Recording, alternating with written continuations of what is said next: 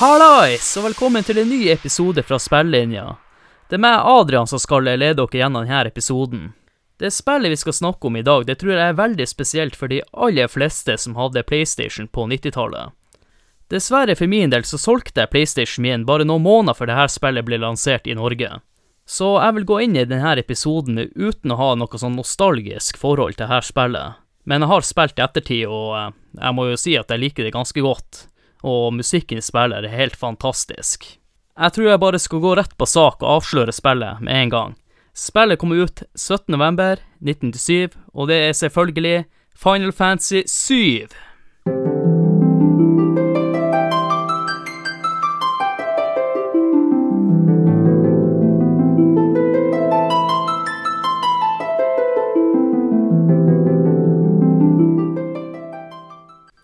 Final Fantasy 7 har sin begynnelse i 1994.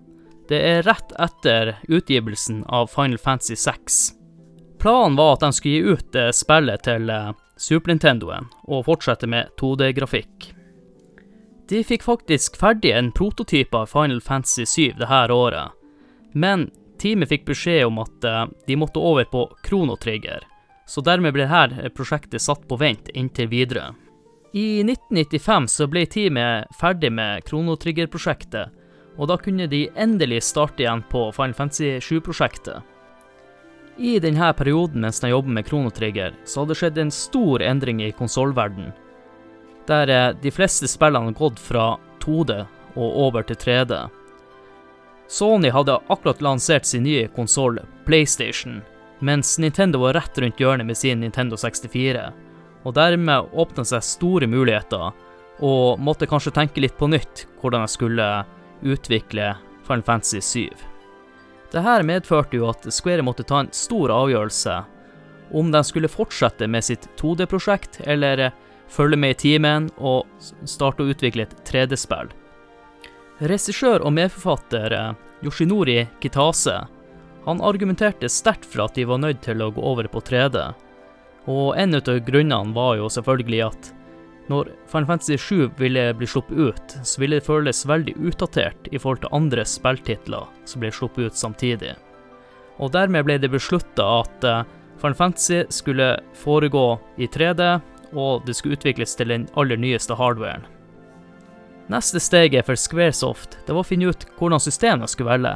Om de skulle gå til eh, Nintendo, som de jobba med før, som hadde sin Nintendo 64, som var et kartbasert system, eller om man skulle velge den nye aktøren Sony, som hadde sin PlayStation, som var et eh, CD-rom-basert system.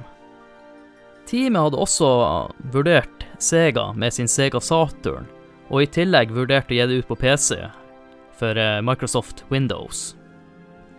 De begynte først å kjøre tester på Nintendo 64, men jeg fant relativt fort ut at det ikke ville gå å lage spillet til denne konsollen.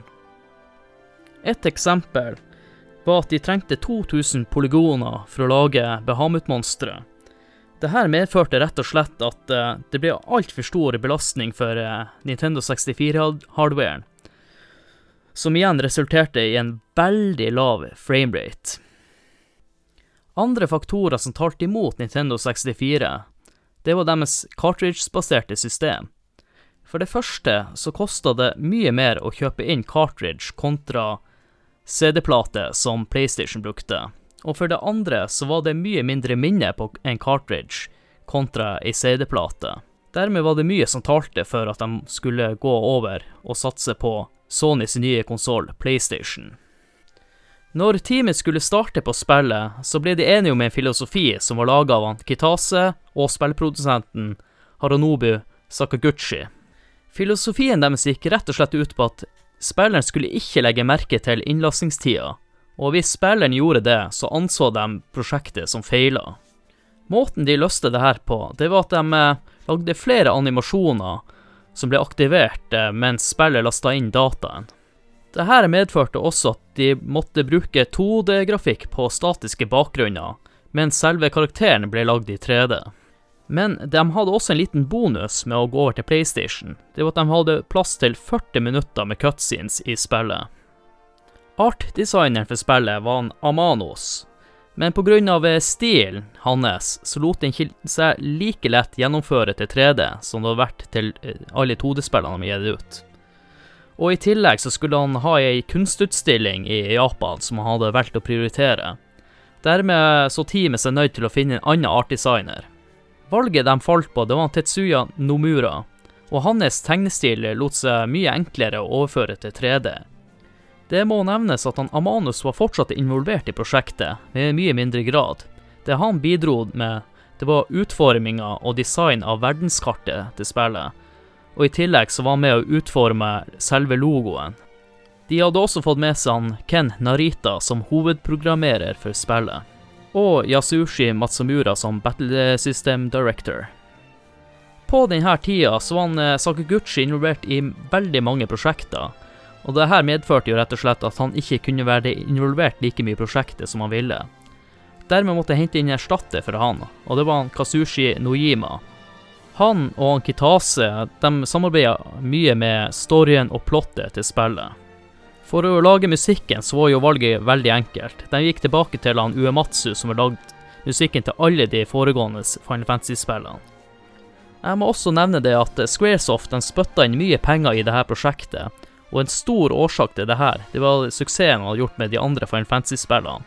Dette betydde at teamet kunne fokusere mye mer på kvalitet, og kunne ta seg større friheter, kontra før, der budsjettet rett og slett satt begrensninger på hvordan de kunne lage spillet. På den tida så var Final Fantasy 7 en av de aller dyreste spillprosjektene som var gjort noensinne, med en kostnadsramme på 40 millioner dollar. Og utviklinga av den endelige versjonen det krevde en arbeidstap på over 100 personer, og de brukte litt over to år på å ferdigstille prosjektet. For å sette det litt i perspektiv, med tanke på at de hadde over 100 personer jobbende med prosjektet Det var et vanlig spill på midten av 90-tallet. Det hadde en arbeidstap på rundt 20 personer. Så forteller egentlig ganske mye hvor mye ressurser de hadde i det prosjektet her. Arbeidsstaben var fordelt på to kontorer. Det ene kontoret var i Japan, og det andre kontoret var i USA. Og USA-kontoret jobba i hovedsak med bakgrunnsmodellene som var lagd i 2D. Final Fantasy 7 det ble annonsert i 1996. Det ble også gitt ut en spillbar demo der året på Tokyo Gameshow. Fra spillet ble annonsert februar 1996, skulle det nesten ta et år før spillet ble sluppet ut i Japan og spillet kom ut den 31. januar 1997. Før lanseringa i USA så brukte Squaresoft 20 millioner dollar på promotering, og i tillegg så fikk de med Sony til å hjelpe dem med å promotere spillet og få det solgt i USA. Og spillet kom endelig ut 7.9. i 1997. Og vi i Europa måtte vente helt til 17.11. før vi fikk tak i spillet, og jeg regner med en god del ut av dere der ute fikk spillet i julegave. Det spillet vi fikk i Vesten, det skilte seg litt ut i forhold til spillet som ble lansert i Japan. Noen av endringene som var gjort, det var å gjøre menyen mer strømlinjeforma i den vestlige versjonen, og i tillegg så hadde den senka helsen på fiendene du møter i spillet.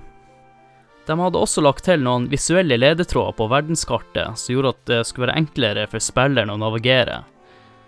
Og i tillegg så hadde de eh, lagd en ekstra cutscene som handler litt om Cloud eh, når han tenker tilbake på fortida si. Jeg kan også nevne det at spillet solgte veldig bra de første tre dagene i Japan. Det solgte faktisk så mye som 2,3 millioner eksemplarer. Og i USA så gikk det ikke like mange spill så fort, men jeg solgte 330 000 kopier den første helga. Totalt så har spillet solgt ca. 10 millioner, men jeg er litt usikker på hva de legger i de tallene. Om det kun for det spillet som blir ut til PlayStation, eller om det blir de nyere versjonene som er ut til flere typer konsoller, og tillegg til eh, nettbrett og mobil. Og en liten ting til før vi går over til funfact-spalten, eller bare ta med noen av de scorene fått hos kritikerne.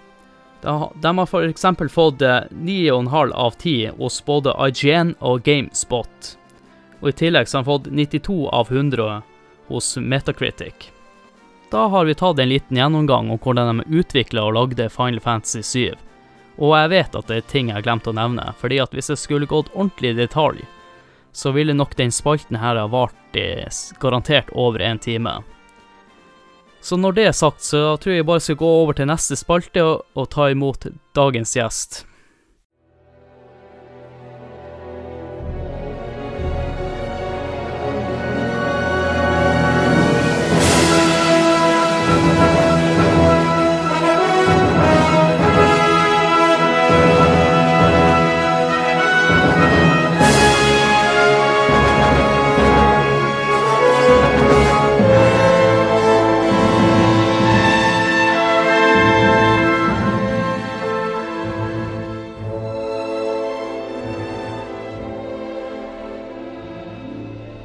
Da skal jeg introdusere dagens gjest, og han her har et veldig godt forhold til Final Fantasy, og han har til og med tatt ei Final Fantasy-tatovering. Og dagens gjest, det er han eh, Trond Sinfor Borgersen. Har jo øh, vært med i gamet en stund. Vi har jo møtt hverandre ganske tidlig i, for å kalle det, i øh, retrospillbransjen. Kanskje ikke akkurat den beste måten, da, med at jeg lå paddeflat og bakfull inne på et uh, lokale. Nei, men det var kanskje ikke førsteinntrykket var bra, men uh, det kom seg etter hvert, vet du. Du husker det i hvert fall. Jeg husker det godt. Ja. Uh, ja, det er jo noen år siden nå. Uh, jeg har jo vært fan av Fan Fantasy lenge, før jeg starta med Retrospillmessen og Spillmuseet. Eh, og det var jo da du kom inn, for du var jo interessert i det samme. ja, Kanskje ikke stemmer det. spillet i seg sjøl, men uh, i hvert fall i den verden. I hvert fall det miljøet, da. Ja. Og uh, altså at jeg bruker Sinfor-navnet, det, det er jo ikke mitt ekte navn. Det er bare at jeg har brukt det på Facebook så lenge, og så er det et artistnavn som da går igjen i litt i Final Fantasy-verden, da. Du jobber jo litt av og til som en diskjockey, som det heter. Diskjockey, ja, helt riktig. Ja, Det er jo en lidenskap jeg har hatt i mange, mange år. Så jeg kan vel si at Final Fantasy er vel kanskje grunnen til at jeg starta med musikklaging og som DJ. Så det trekker tilbake noen år. ja. Men eh, kan du fortelle litt om eh, hva var ditt eh, første minne med Final Fantasy 7? Og jeg så jo også, mens jeg gjorde litt research, at det kom jo rett før eh, juletider i 1997. Så var du han som fikk det til eh, julegave, eller? Jeg var det, vet du. 16 år og veldig klar for uh, å Jeg ønska jo meg Final Fantasy 7 Det sto vel øverst på ønskelista. Jeg hadde vel ønskeliste som 16-åring òg. jeg hadde jo lest om det i noen sånne Powerplayer-magasin. Og at det skulle komme på PlayStation, og PlayStation kjøpte jeg året før. Eh, eller to år før, faktisk. Og sto jeg veldig, veldig, veldig fram til det. Og julaften i 97 så var det én pakke igjen på Eller under juletreet, og det var da til meg. Og det, jeg skjønte jo med en gang hva det her var for noe. Ja. Og pakka det opp, og visste jo ikke noe om historien til spillet eller noen ting, så jeg bare visste at det her er suksess, for det hadde allerede hadde kommet reklame på TV. Eh, og det så jo fantastisk ut, og det første juledag satte jeg det inn i eh, PlayStation og satt hele dagen og spilte, for da skulle vi ikke noe likevel. Eh, Jeg må bare nevne det at eh, det spillet der gikk litt sånn hus forbi for min del, fordi at jeg hadde jo først PlayStation 1, men så solgte jeg den for å kunne kjøpe meg Nintendo 64-en, for jeg er fortsatt Ja. sånn Nintendo-fanboy. Og på den der tida så var det et annet spill som også kom ut, som jeg husker veldig godt, og grunnen til det var for at samme dagen som jeg fikk det spillet, da fikk jeg meg tannregulering.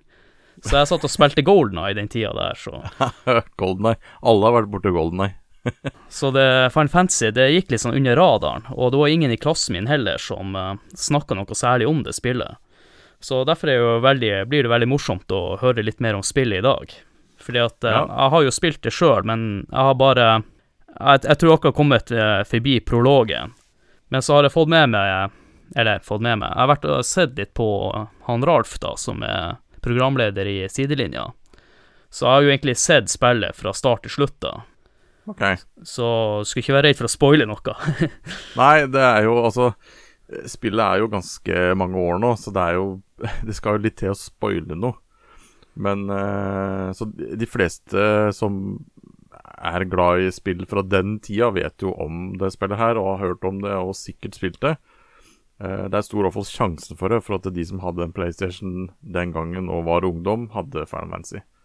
Ja. Det solgte jo ganske bra her til lands også. Ja, jeg kan jo også bare si det at i den podkasten her så blir det eh, alt spoila til slutt uansett, for det blir å gå gjennom spillet. Ja. Så ja. Jeg tenker vi da bare går over til funfact-spalten. Yes.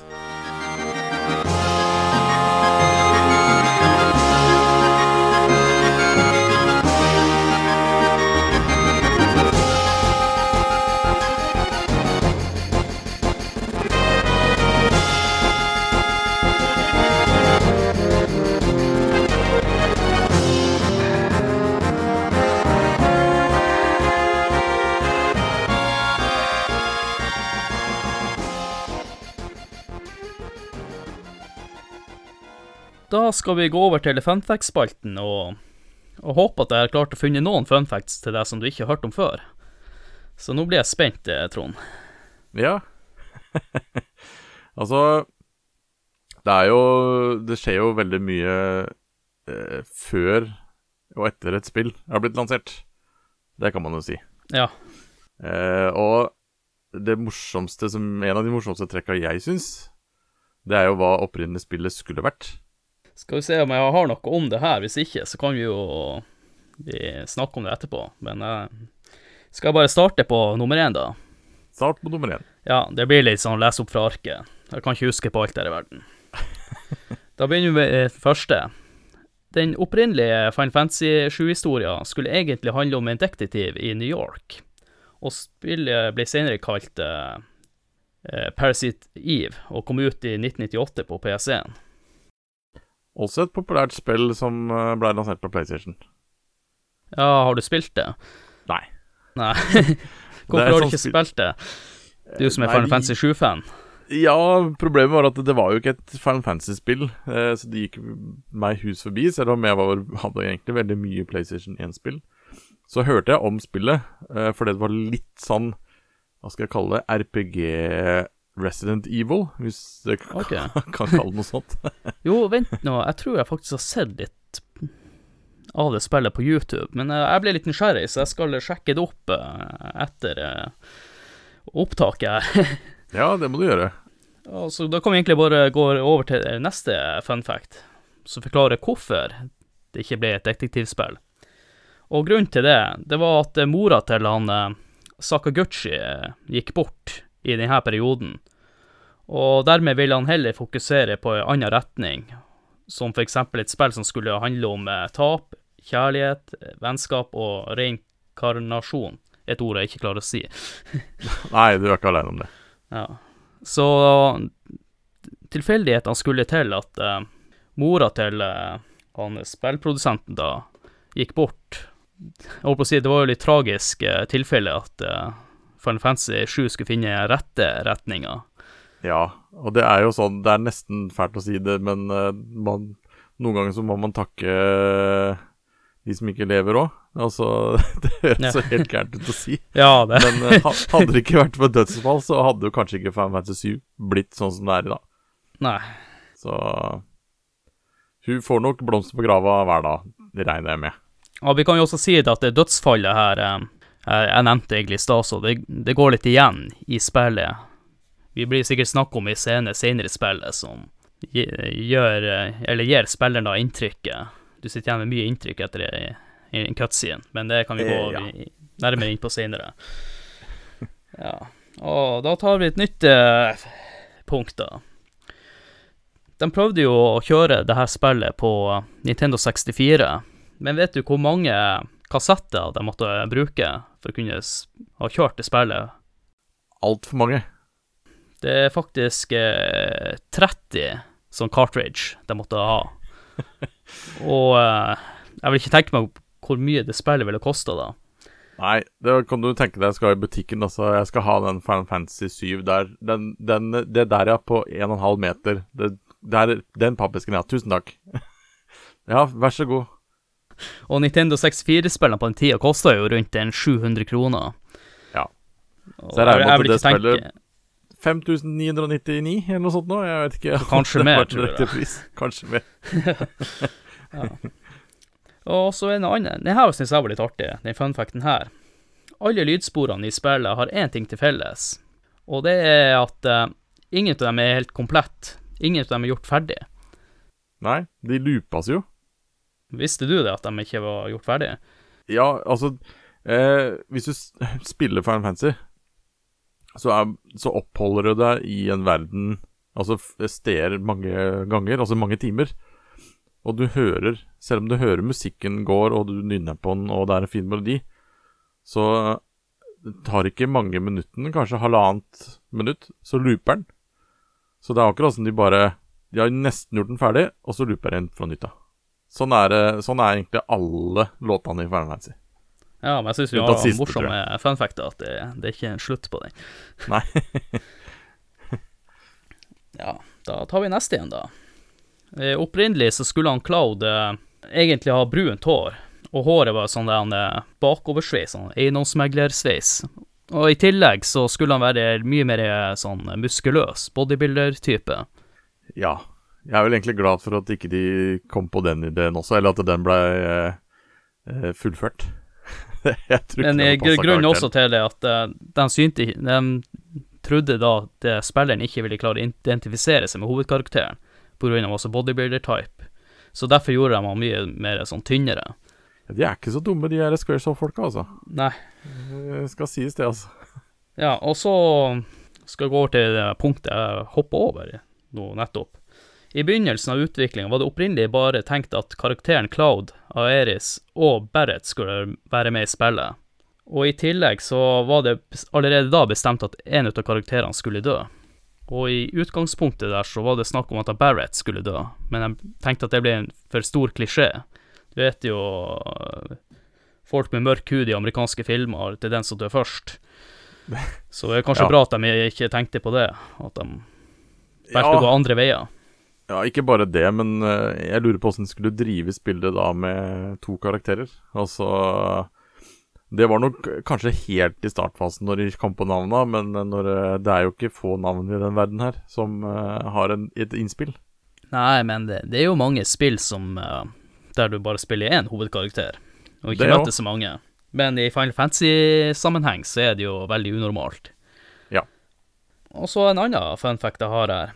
Grunnen til at han Cloud eh, kan ha en gigantisk eh, sverd på ryggen, det er faktisk fordi at han har en magnet som holder han på plass. Ja, Det er ikke så mange som visste, men eh, når man ser han løper med sverdet bak, så skjønner man at eh, det Det kan jo ikke gå ned i en lomme. Men eh, jeg kan jo avsløre det at eh, det her kan man se på noen sånne konseptart som er laga. Så det er der man har svaret på det. Det ser du også etter en slåsskamp på Final Fantasy, så ser du han snurrer sverdet rundt, og så bare hekter han det bak. Ok. Jeg skulle gjerne visst hvor mye det sverdet veier. Ja, vi er jo på verden Gaia, så kanskje metallet der er litt lettere enn her på jorda. Ja, det kan godt hende. Eller om det er sånn her met Mitri eller noe sånt som i Ringenes herre. mest sannsynlig. Ja. Mithril er jo faktisk med i spillet, så ja, det er det jo. ja, da har han sikkert henta det fra Ringenes herre, mest sannsynlig. Det er sikkert Gandalf som har vært innom. Ja, vi var innom i stad han eh, Sakaguchi. Han kan du faktisk eh, finne i spillet. Han er på et eh, maleri du kan finne inni et hus i Rocket Town. Det er litt gøy med sånne easter eggs i spill, og det er jo et av de. Har du funnet det? Eh, jeg har jo vært der, men om jeg har visst at det var eh, den personen? Eh, Nei, det har jeg ikke anelse på. Ja, og så en annen ting her som jeg er kanskje litt uenig i, eller i hvert fall usikker på. Det at eh, Final Fantasy 7 var det første spillet som hadde voice acting. Du kan høre en eh, soldat uh, si 'Radar System Go' over intercomen når den Mako-kanonen blir avfyrt. Hmm. Uh, jeg tipper det er det første Final Fantasy-spillet de mener, og kanskje ikke det første spillet med voice acting. For det eh, Resident Evil hadde jo voice acting eh, før det. Ja. Nei, det er sikkert eh, i Final Fantasy-serien. Mest sannsynlig. Ja. Jeg har vært litt raske svingene når jeg har skrevet det her. Og så er det jo en um, siste fun fact jeg kan ta, da. Man kan finne en level 4 limit break til Aeris i spillet, men kan man rekke å bruke det før hun dør? Det må, må nesten du svare på.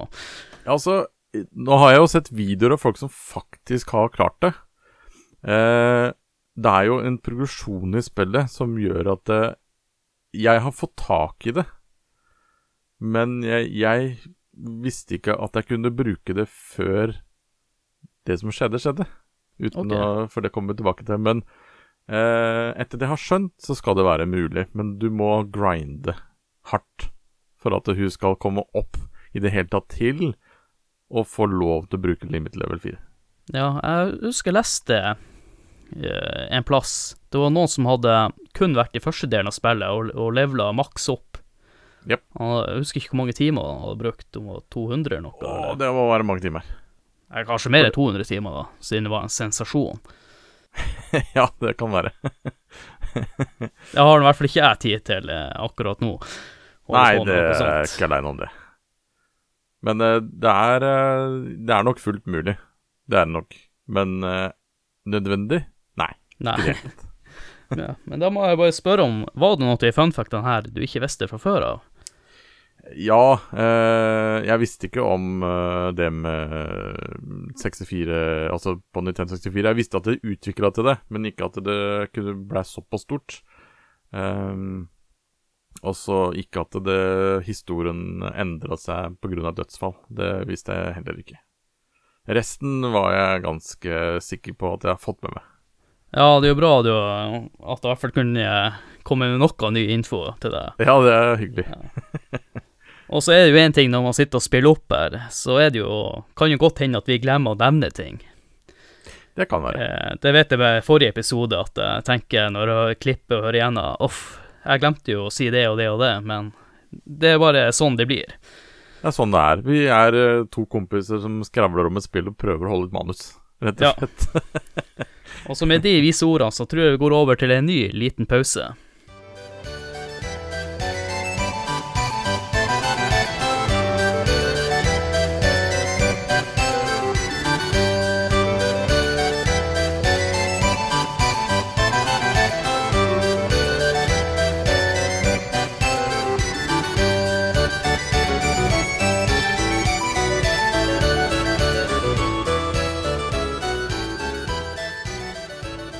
Er vi gått over til hovedspalten, og Final Fantasy 7, vi kan jo på en måte si at det er en veldig bra start. Kan du forklare litt den her starten, eh, Trond, og hvem vi blir kjent med der, og Ja, eh, altså Når man starter spillet, da, for å ta helt på starten, så begynner det ganske rolig. Det er fin musikk, og så ser jeg ei dame som står og kikker på noe eh, grønt som eh, kommer fra et rør eller noe sånt noe. Eh, fra en vegg. Eh, Kameraet zoomer tilbake, og du ser en by. Og så zoomer kameraet tilbake inn i byen, på et tog, som kommer i full fart inn på en stasjon. Og fra det toget så hopper det en kar ned. Og pang! Der starter spillet. Det starter ganske eh, brått og brutalt. Ja. Og, og Eh. akkurat i den startsekvensen der, så Du ser jo allerede noen eh, personer der som du Ja. blir kjent med. Den aller første du blir kjent med, som er da en person som hopper ned fra toget, er jo da Claude Strife, altså hovedfiguren i Final Fantasy 7. Uh, han er jo da en uh, leiesoldat fra noe som heter Soldier, men leid inn da eh, av en terroristgruppe som heter Avalanche. Og det er jo der spillet starter. Eh, det første du gjør når du hopper ned fra toget, er å møte en person eh, som sier at nå er du klar, nå skal vi gå, og du kommer i krig, du må slåss mot soldater. Du vet ikke hvem disse soldatene er, du bare du må slåss. Eh, progresjonen videre er jo at du skal gjennom noen faser, du skal åpne noen dører eh, for å komme deg inn til en reaktor. Og på veien der så møter du en kar som heter Barrett, som da er en ganske muskuløs fyr med svære gønner til arm.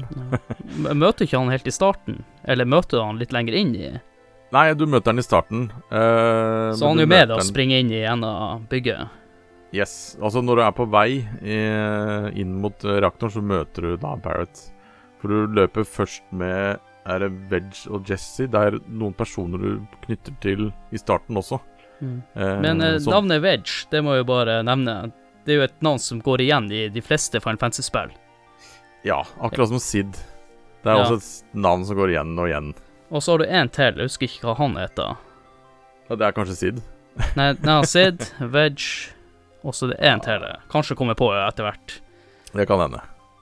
Starten, eh, når han eh, Claude og gjengen da er på vei til denne reaktoren, så er jo oppdrag det å sprenge en reaktor. Og det er jo en grunn til det. Eh, eh, de reaktorene er jo eh, Bruker noe som heter Mako-energi. Så de drar opp da fra inn, jordas indre, som da er egentlig en Hva skal jeg si En et stoff da som holder jorda i live. Det blir jo da brukt for å lage energi i denne verden her. Og så Shindra, de har jo gjort seg et monopol på det her, som jeg, som jeg leste litt på. Ja.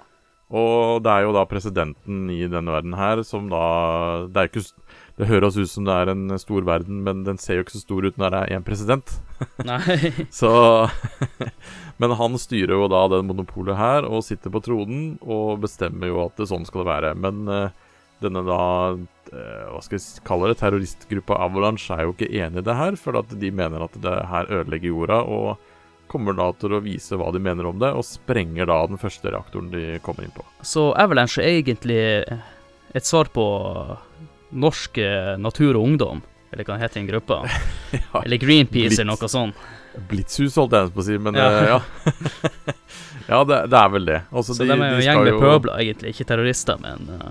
Ja, men de Altså, den reaktoren er jo ikke liten. Så den er jo den, den Når det sprenges, så syns det å høres over hele den byen. For Midgard er bygd i etasjer, den byen som de er i. Og den er jo ganske stor. ja, det er nesten som et sånn svært tårn, på en måte. Ja. Og så jo høyere opp, jo mer eh, som det er i andre byer.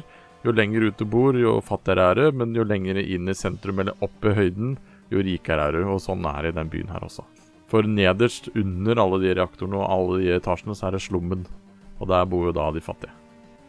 Men uh, utført uh, oppdrag utført. Uh, første gang, i hvert fall. Du følger jo da karakterene etter at du sprenger. Og de må jo spre seg. Det som skjer da, er at du følger Claude, som da løper én vei, mens de andre løper den andre veien. Og støter da på en blomsterpike når det er slått full alarm i byen. Eh, og det er terrorangrep på hele pakka. Du skal jo komme deg vekk, men eh, denne jenta her eh, dumper det borte, og hun kommer da med spørsmål.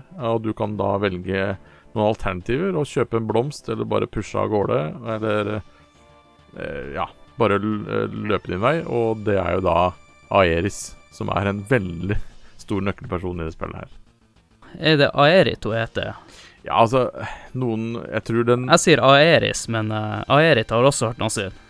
Ja, altså, det skrives på begge måter. Ja. Uh, opprinnelig så er vel uh, fødselsnavnet Aerit, OK. men hun kaller seg sjøl Aeris. Så for å gjøre det enklere, og det har litt med bakgrunnen hennes å gjøre også. Men Aeris er jo da en nøkkelperson i spillet som blir viktigere etter hvert når det kommer ut. Eh, for å fortelle ganske kort hva som skjer, er jo at eh, etter oppdraget utført eh, eh, Alle de som har vært med på angrepet, skal jo da tilbake på et møtested. Som er da en eh, slags eh, kafé, restaurant, et eller annet sånt noe. Eh, som da er drevet av ei som heter Tifa, også som er en nøkkelperson i spillet. Eh, der, det er der de møter oss for å planlegge da et nytt terrorangrep, som ikke Claude Strife er enig i, for han er jo leie, han leid inn. Han skal tjene penger på det greiene her. Han bryr seg egentlig ikke om motivet for det her. Nei, Egentlig ikke i det hele tatt. Han tenker kun penger, eh, men blir overtalt å være med på et nytt oppdrag som skjer ganske kjapt. Og da er jo oppdraget det å sprenge reaktor nummer to. De går jo i gang ganske kjapt i spillet også med å, å gjøre det, utføre angrepet. Alt går jo tilsynelatende bra, helt til de eh, eh, skal plassert bombe og er på vei ut, og møter da president Shinra. Og da bryter jo helvete løs. Jeg må bare spørre en liten ting her. Du nevnte Tifa. Ja. Og Claude og Tifa de har vel et bånd fra før av? Ja, de er jo barndomsvenner. Eh, født, opp, eller, født i samme by, da, eller vokst opp sammen. Så øh, de var eh, Hun hadde vel en crush på Claude, som var eh, litt eldre. Men som da dro for å bli eh, soldat i Soldier, og kom ikke tilbake med det første, for å si det sånn. Så jeg tror vel hun, det er vel hun som egentlig har fått han inn i Avalanche. Det står vel ikke noe historie om noe sted. Du Nei. får ikke noe bakgrunnshistorie om akkurat det der, da. Ja, for Tifa også med i Avalanche. Hun er også med i Avalanche, litt som sidelinja. Hun er vel den som uh, Hun er ikke med på oppdraget. Det er hun ikke. Nei, men hun er en viktig karakter videre i spillet, så det er greit å påpeke det også, at det ikke bare er en, en som bare er der. Det har, hun har sine grunner til å være med videre, hun også, for å si det Ja. sånn. Så øh, Og hva er jo hva er grunnen til alt oppstyret her? Det er jo fordi at de, de skal redde planeten. Eh, og eh, når de da oppdrag nummer to ikke går som planlagt, så blir jo hele gruppa spredd.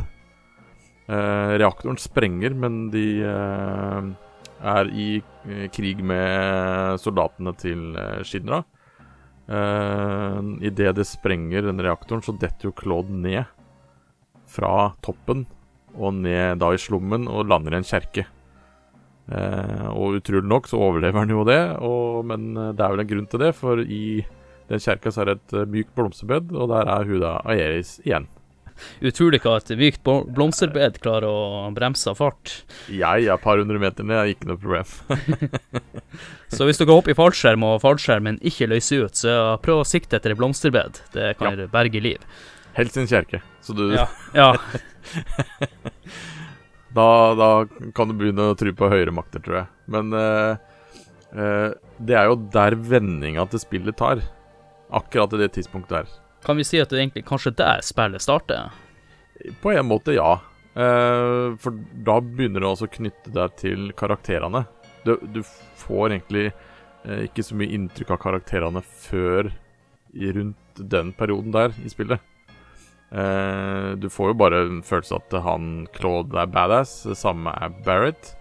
Og Tifa er ei eh, litt sånn uh, tøff dame, da. Med litt bein i nesa. Ja, og Og det morsomme er jo at når vi snakker om de her sekvensene, du har jo spilt noen timer, og du er fortsatt i åpningssekvensen. Ja. Så det er ganske lang åpningssekvens i spillet. Ja, det er jo det, og det er jo sånn rollespill er bygd opp. Det hadde vært kjedeligere hvis det hadde vært ferdig på et par timer òg, for da Jo, jo, men jeg bare tenker at det, det er veldig sånn strømlinjeforma i starten. Du, sitter, du er setter aldri fast, og du lurer aldri på hva du skal gjøre neste. Men uh, det må litt berømme det spillet.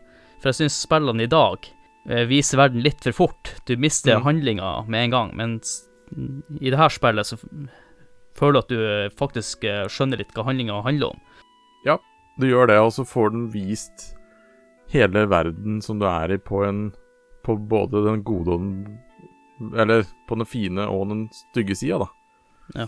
Eh, og noe av det er jo fordi dersom Claude lander og møter Aeris for andre gang, er jo i slummen.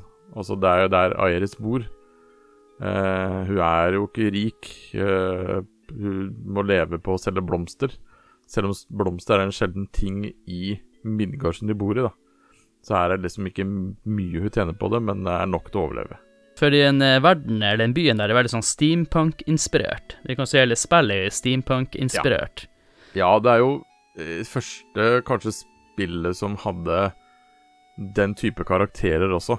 Eh, de andre Final Fantasy-spillene så var det jo veldig sånn Det var eh, Hva heter de for noe? Black Mages. Eh, Ja, kanskje litt mer enn i han klassiske fantasy-stil med middelalderen og helt riktig. Eh, du hadde liksom istedenfor en eh, hovedkarakter med rustning og sverd så har du da en karakter med sverd her også, men han har ikke rustning på seg. Han, eh, du ser han er fra noe, men du, han ser ikke så bøs ut, da. Det Nei. gjør han ikke. så det er jo ganske greit. Du blir jo kjent med Aeris, eh, og grunnen til det er jo at hun spør om Claude kan være en bodyguard. Noe han sier ja til eh, i spillet. Der har du ikke noe valg. OK. Der får du bare være med. Men eh, det er jo når du da skal være den bodyguarden For du har jo ikke noe annet, du vet egentlig ikke hvor du er engang. Så du bare gjør det. Men eh, så begynner jo noen par brikker å falle på plass allerede i begynnelsen av spillet. Du begynner å skjønne ting. At uh, Aeris er ikke hvem som helst.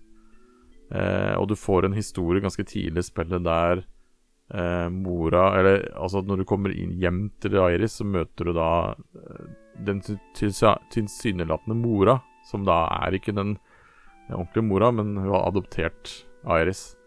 Eh, og hun forteller da en historie om hvordan Iris kom til, eh, til hun da. Og det er jo ganske brutalt. Eh, hun mista jo mora si, hun er foreldreløs. Så hun var adoptert og, og sånt, så ja. Men hun vokser til, vokser til hun òg.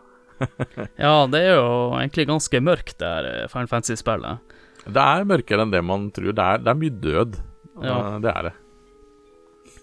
Så Men eh, hvis jeg ikke husker helt feil, så er vel det jo snart at eh, spillet begynner å åpne seg litt mer. ja, Eller du, har jo, eh, du skal vel innom med Shinra en gang til, tenker jeg, for uh, ja, altså du. Du, eh, du henger jo litt med Aeris eh, og skjønner jo at hun Mange vil jo ha tak i hun Så du blir jo en bodyguard. Altså du må jo du beskytte henne fra eh, The Turks, som det heter. Som er da Jeg vil ikke kalle det soldatene, men eh, noen Ja. som er knytta til presidenten, da. Ja, slags FBI, CIA-opplegg.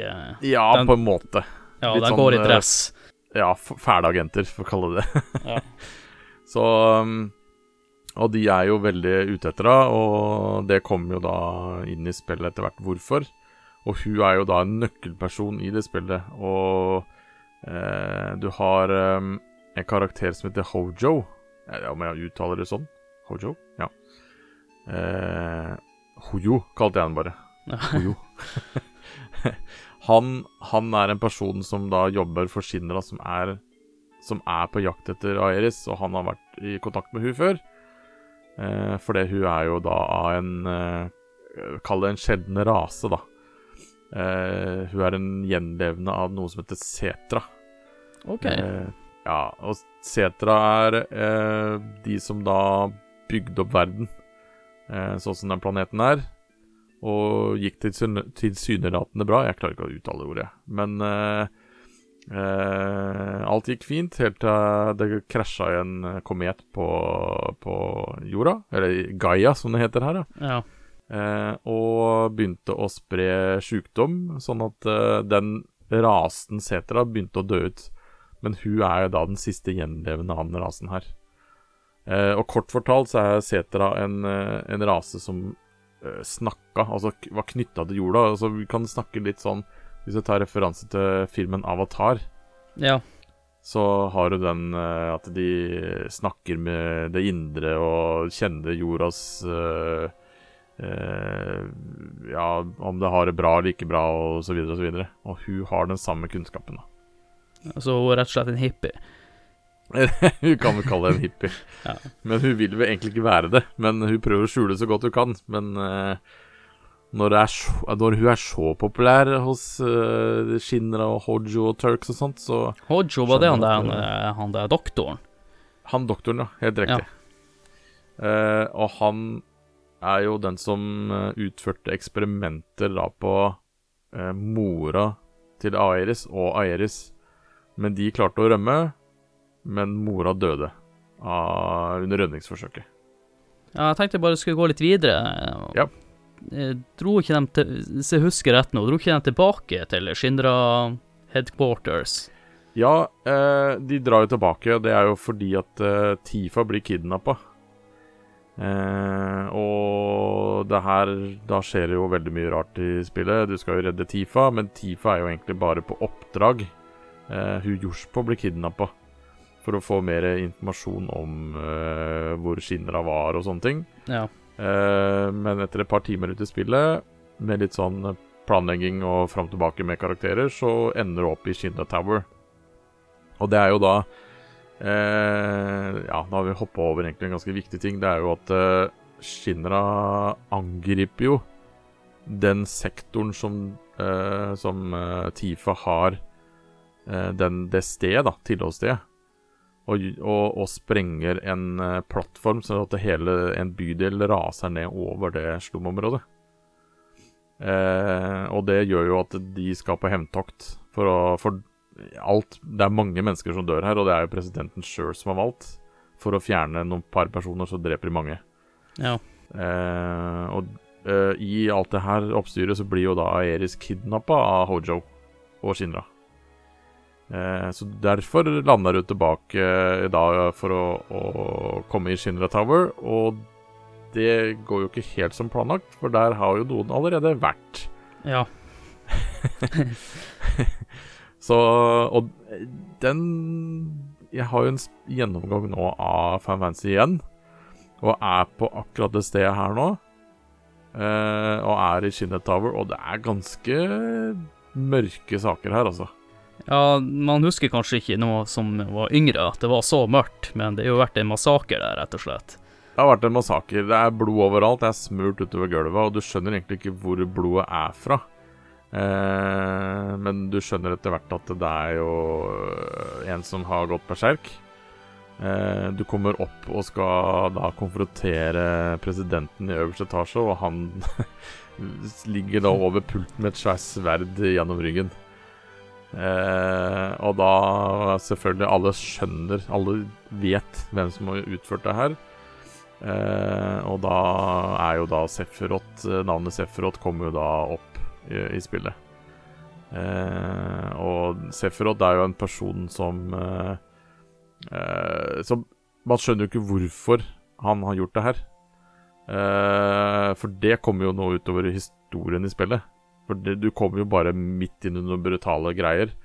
Eh, oppe i en av de etasjene også så er det jo noe som heter Genova. Altså en eh, som er inni en eh, på en måte en tank eh, fullt av vann og slanger og gud veit. Eh, som Hva har- som er historien bak Genova? Genova er jo det som var med på den asteroiden som krasja på jorda, eh, som da utsletta Setra, da. Ja.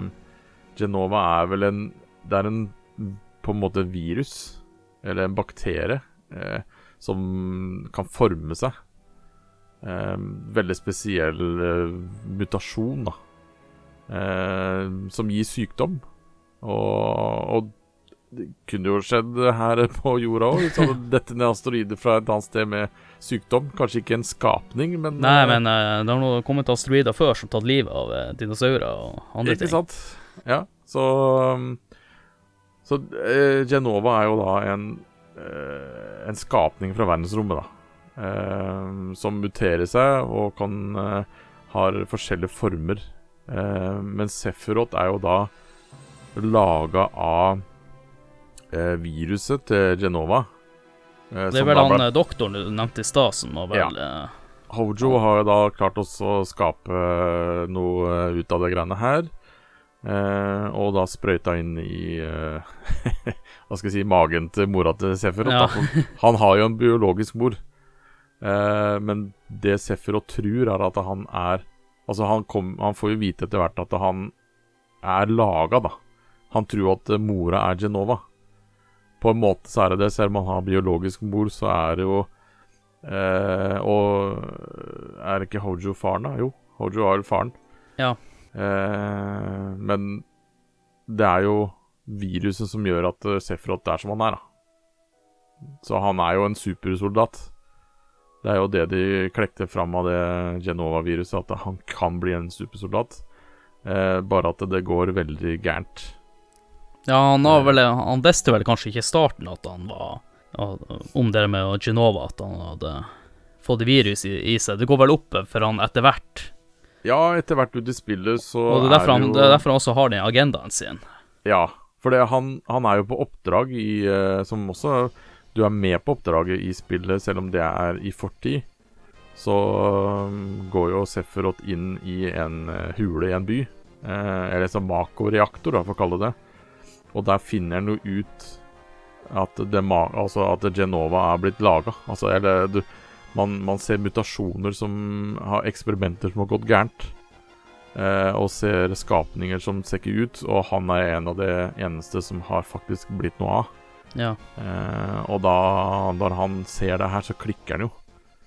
Eh, og det er jo Han forsvinner jo eh, i lang tid. Ingen ser noe før han dukker opp nå, da Eris ble kidnappa og sånt. Da dukker han opp. Og uh, han uh, Og han har jo én agenda i den verden her. Og det er jo å ødelegge verden. Uh, og det er fordi at han er besatt på å gjøre det, rett og slett. Det er ikke noe han har lyst til. Han er bare Det er målet hans, altså det er oppgaven hans å ødelegge verden. Det, det er litt spesielt. og så da er vi vel kommet med nesten på toppen, da, eller? i det tårnet? Ja, på toppen av tårnet så er det jo Så du slåss jo ikke med Sefirot, du ser den jo ikke. Eh, men det som skjer, er jo Du møter en karakter som heter Rufus, som er sønn til Sefrot. Nei, Nei sønn til, til eh, Herregud. Til Shinra-presidenten. President Shinra. Uh, og han skal jo da hevne sin far. Han skal gå etter Sefrot. Uh, men han skal jo da styre folket. Han tar over tronen, og han skal jo gjøre det med frykt. Han er jo gal i huet, han Rufus. Så han eh, gjør jo ganske mye da for å få tak i da Sefirot. Eh, og Claude og gjengen henger seg på. De skal jo også da ta tak i både Rufus og Sefirot, så det er jo da du er på tur i spillet, da. skal du ut på tur. så det er, eh, det er jo da du, verden åpner seg, da i eh, Final Fantasy. Men jeg tenker før vi snakker litt om den åpne verden, så bare kan vi jo snakke litt om det kampsystemet. For eh, ja. vi har jo snakka litt om mye slåssing og Ja, det er jo Hva heter den eh, det, Jeg kommer aldri på ordet hva det heter for noe. Eh, slåssinga her er jo ikke at du løper rundt i gatene og slår hvem som helst. Du kommer jo inn i en kamp. Ja, det er random encounters. Ja. De kommer bare sånn plutselig. Uh, herregud, hva heter det? Real time Nei. Jeg kom ikke på ordet hva det heter. Det er jo en slags uh, real time uh, fight-sekvens på grunn av at uh, på, I noen Final Fantasy-spill så var det turbasert, men her har du et sånn yes. Ja, men her har du et sånn meter som går opp til uh, ja, nå er din tur. Men det er fortsatt turbasert. Det er jo det det kalles på norsk, da. Um, systemet der virker jo at du har jo, som du sier, en meter som går opp. Som når den er full, så kan du da trykke attack. Og da utfører angrep, eller gjør magi, eller eh, stjeler, eller stikker, eller hva du vil. Du kan også gjøre defend, men det går på eh, På turg, da. Altså, du kan ikke bare trykke løs og slåss og løpe rundt. Du står stille. Ja. Men du, det er jo taktisk hele tida. Du har jo motstanderen på ene sida, altså du på den andre sida. Og så er jo da hvem som angriper først, og du gir skade da til den uh, fienden. Uh, som ikke nødvendigvis dør av første slag. Du kan hende må slå flere ganger og tenke at noen fiender er svake for, uh, for ting som du kan bruke da til fordel for deg. Så de har et sånn HP-meter som går ned, og HP-en til fienden det varierer? Ja. Håpen vet jo ikke sånn sett. Du kan jo ha triks for å gjøre det, og så se håpen. Altså, da må du bruke en magi for å gjøre det. Uh, men du har jo Det som gjør Du har jo eh, attack, magi og items. Det er det du starter med. Ja, så kampsystemet på en måte er jo veldig likt de forrige Final Fantasy-spillene. Som alle andre Final Fantasy-spill, og det er jo det som Det jeg hadde litt lyst til også å få med, som var veldig nytt, da, det var limit break-systemet. Ja, limit break er jo hvis du tar nok skade. Eh, så er det også en måler som heter limit. Når den er maksa, så kan du utføre et angrep som gjør veldig mye skade. Eh, kommer an på hvilken person som har den limit breaken, vel å merke. Eh, som jeg leste, så tror du kan ha maks opp til nivå fire på limit break. Ja, Men den... det er litt sånn småtriks å komme dit, og jeg er også litt usikker på hvordan du oppgraderer limit breaken, at du er nødt til å bruke den så og så mange ganger. for at han oppgraderer seg sjøl. For jeg bare tenker på om det er noe sånn triks der, at eh, anbefaler du at man har karakterene på veldig lav helse i starten, sånn at du får oppgradert limit-breaken tidligere, eller er det noen triks der? Nei, eh, altså det, det, kommer an på egentlig hvem du møter. Altså I spillet så skal det jo være en vanlig progresjon, sånn sett, så du vet jo ikke hva du møter hvis du spiller for første gang. Eh, men selvfølgelig noen bosser, for å kalle det det, har jo fordel av å kanskje komme inn med lavt liv, sånn at du kan for å ha lavt liv har ikke nødvendigvis noe med limit breaken å gjøre. Det har bare å ha med hvor mye skade den gir på deg. Om det utfører at den linja går langt opp eller ikke, da. Så jo hardere motstander møter, som gir deg mer skade, jo fortere går den her opp. Um, men limit break, altså limit, er jo eh, Du får forskjellige limiter opp gjennom spillet. Så du, ja. har, du har fire faser. Altså Eh, Men kan alle ha fire faser? For jeg så at du måtte ha sånn item et eller annet som gjorde ja. det siste. Eh, på Claude, eh, om jeg husker riktig, så tror jeg han går ganske greit. Han får vel det siste i historien. Eh, mens de andre karakterene må du finne den siste limit breaken til. For å lære den, og så kan du utføre den. Mm. Eh, det er jo andre ting også med ikke akkurat om kampsystemet, men i hvert fall inn, blir litt involvert i kampsystemet. Det er jo det han De, eh, de kommer jo med noe nytt, det er materiesystemet deres. Og det elsker jeg. Materiesystemet. Ja, du må forklare meg litt, for jeg, jeg, har jo spilt det litt sjøl. Jeg spiller Final Fantasy 7 når jeg reiser rundt omkring på telefonen. Og jeg har ikke skjønt helt ennå med den eh, materie Hvordan det funker, Nei, også, og kombinasjonene og alt det der. Det er veldig enkelt forklart. Uh, så har alle karakterer materier, og de er fordelt i uh, magi. Uh, det kan være summon, som er da at du får opp en, et, en, et dyr da, som hjelper deg, som gjør et angrep. Jeg ville bare skyte inn en liten ting med det, ja, når du nevner summonene.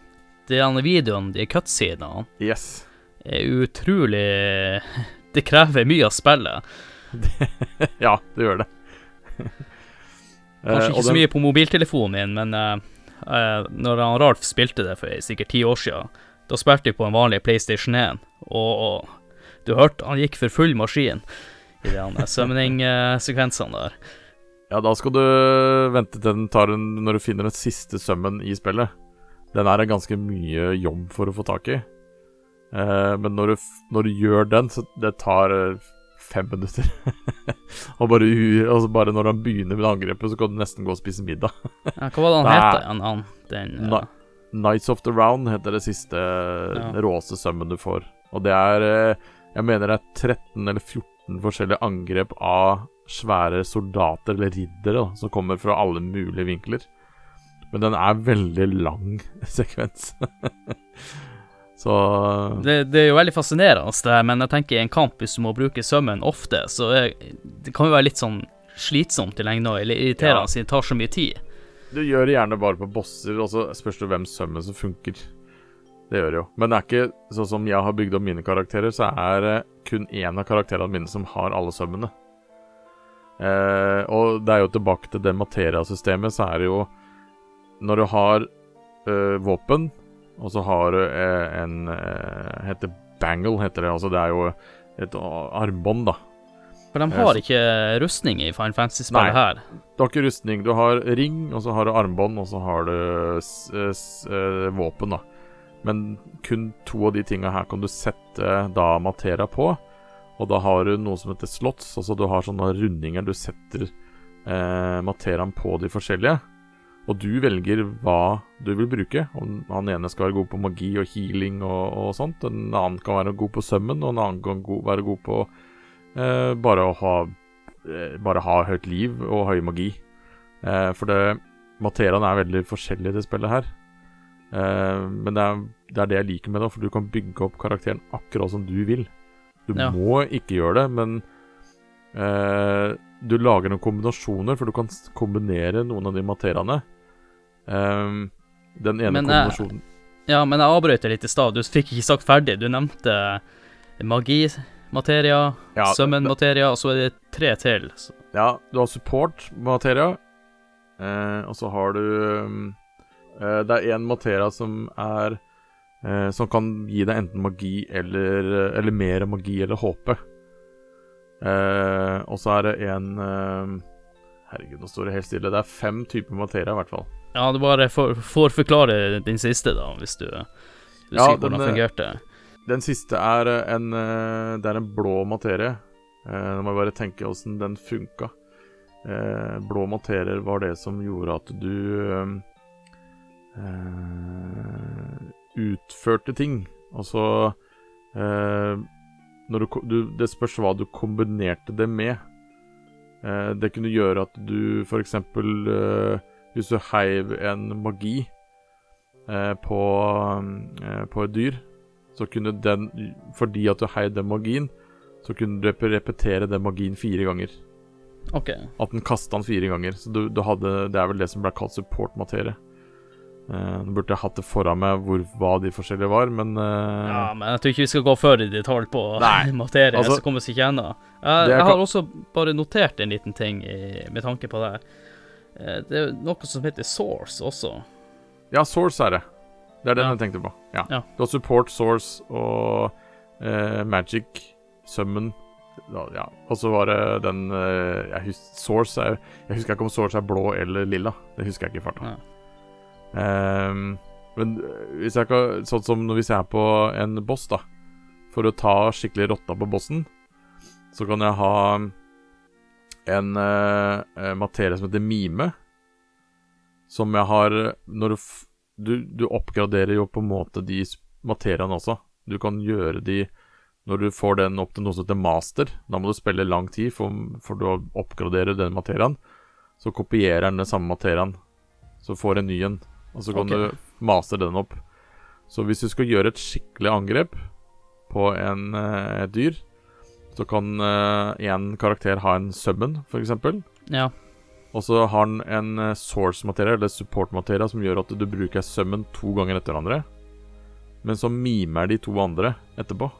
Så de okay, gjør akkurat akkurat det samme to ganger. Og det er jo det som er litt morsomt, for da får du jo seks angrep av den samme eh, magien, da. Eller summon. så sånn kan du bygge opp karakterene dine. ja, det er jo eh, morsomt da, at du kan spille spillet på flere forskjellige måter, og, og det kanskje gjør at du kan spille spillet igjen. Fordi Ja. at du, du lærer kanskje ikke her tingene i første gjennomspilling. Nei, og så går du glipp av noe. I en første gjennomspilling så gikk jeg glipp av noe. Og da måtte jeg spille en gang til for å få Ja. tak i det.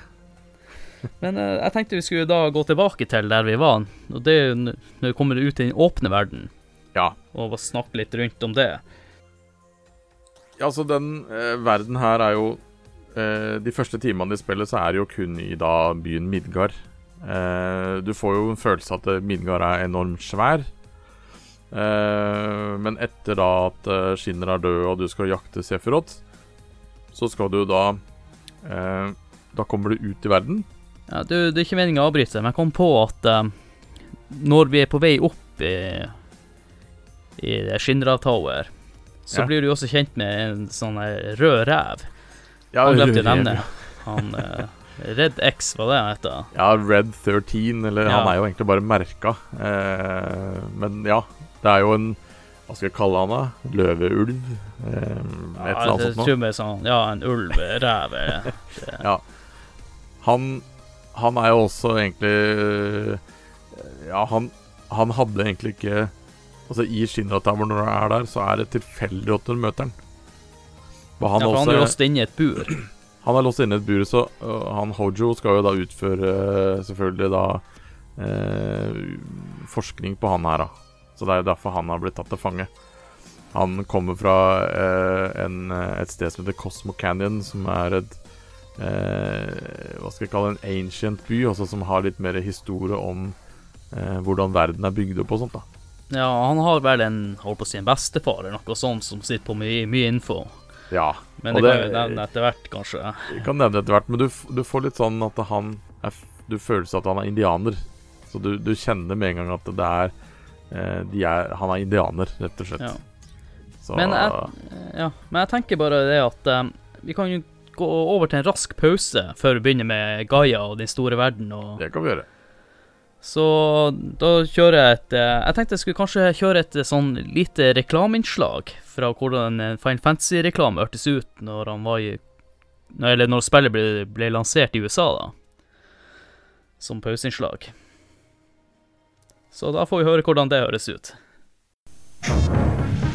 Beyond the edge of reality lies a story of ultimate conquest, a story of war and friendship, a story of a love that can never be, and a hatred that always was. And now, the most anticipated epic adventure of the year will never come to a theater near you. Final Fantasy VII. PlayStation. Da har vi hørt eh, litt på reklameinnslag, så vi hadde vel kommet til den åpne delen av spillet. Jepp. Så kan du bare ta oss litt igjennom. Ja, skal jeg ta eh, hele verden? Nå skal du høre her. Nei da. Ehm, eh, etter introsekvensen, eller starten av spillet, så åpner verden seg. Det, det Bokstavelig så er du ute i verden. Eh, alle byene blir bare knøttsmå, og du går rundt på planeten, da, rett og slett. Og, og det er jo litt sånn som i alle Final Fantasy-spill. Nå Ja. er du kommet i den klassiske Final Fantasy-verden. Yes. Kanskje bare litt sånn uh, Litt penere enn de forrige spillene. Uh, og du kan jo da gå til en ny by, uh, f.eks., eller nye steder. Gå i huler, uh, over fjell. Og du Det, kan det er en ting jeg har litt lyst til å nevne når vi snakker om åpne verden.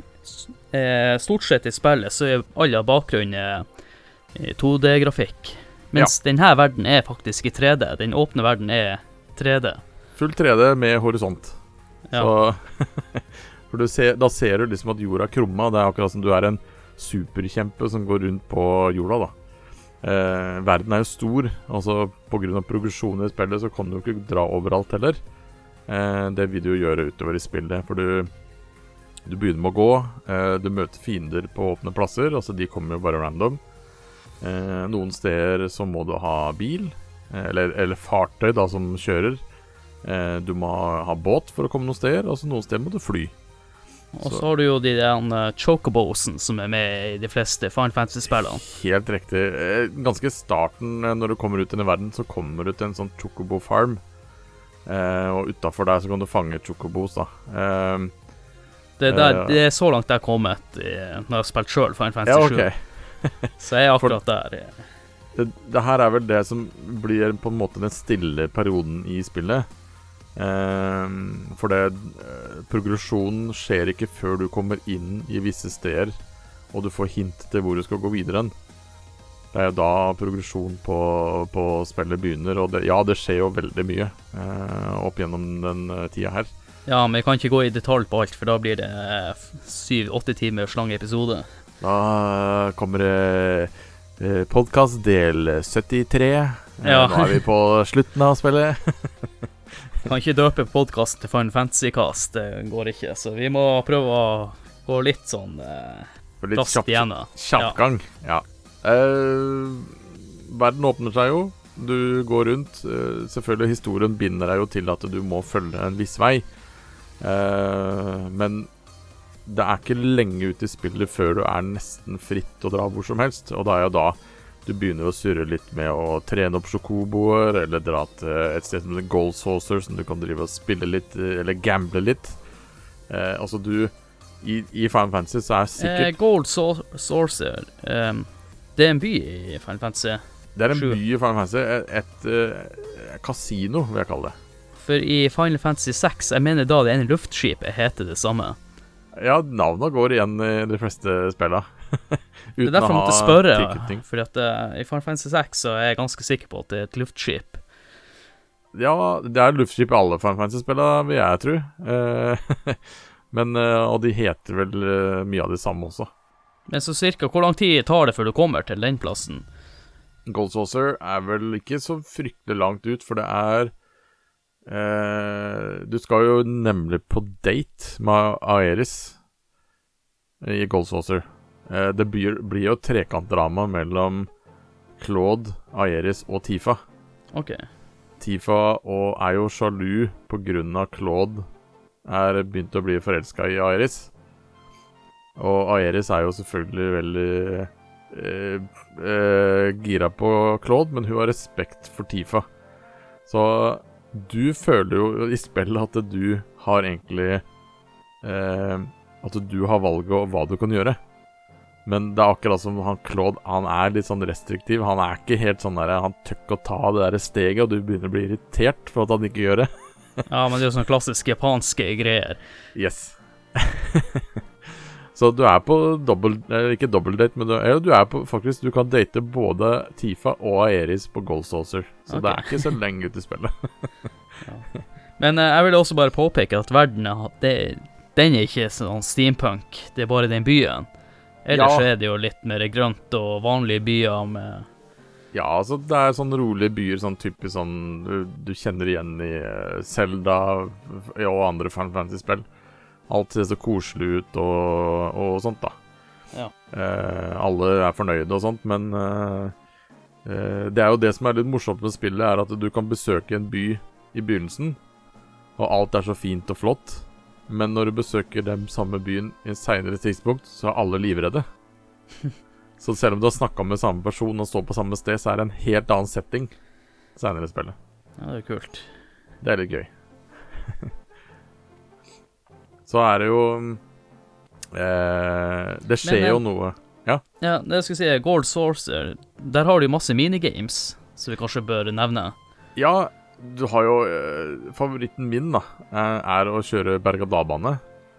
Eh, for det du skal gjøre, er sånn Da er du oppe i en sånn klassisk sånn arkadeskytespill. Er du skal skyte ting som kommer imot deg.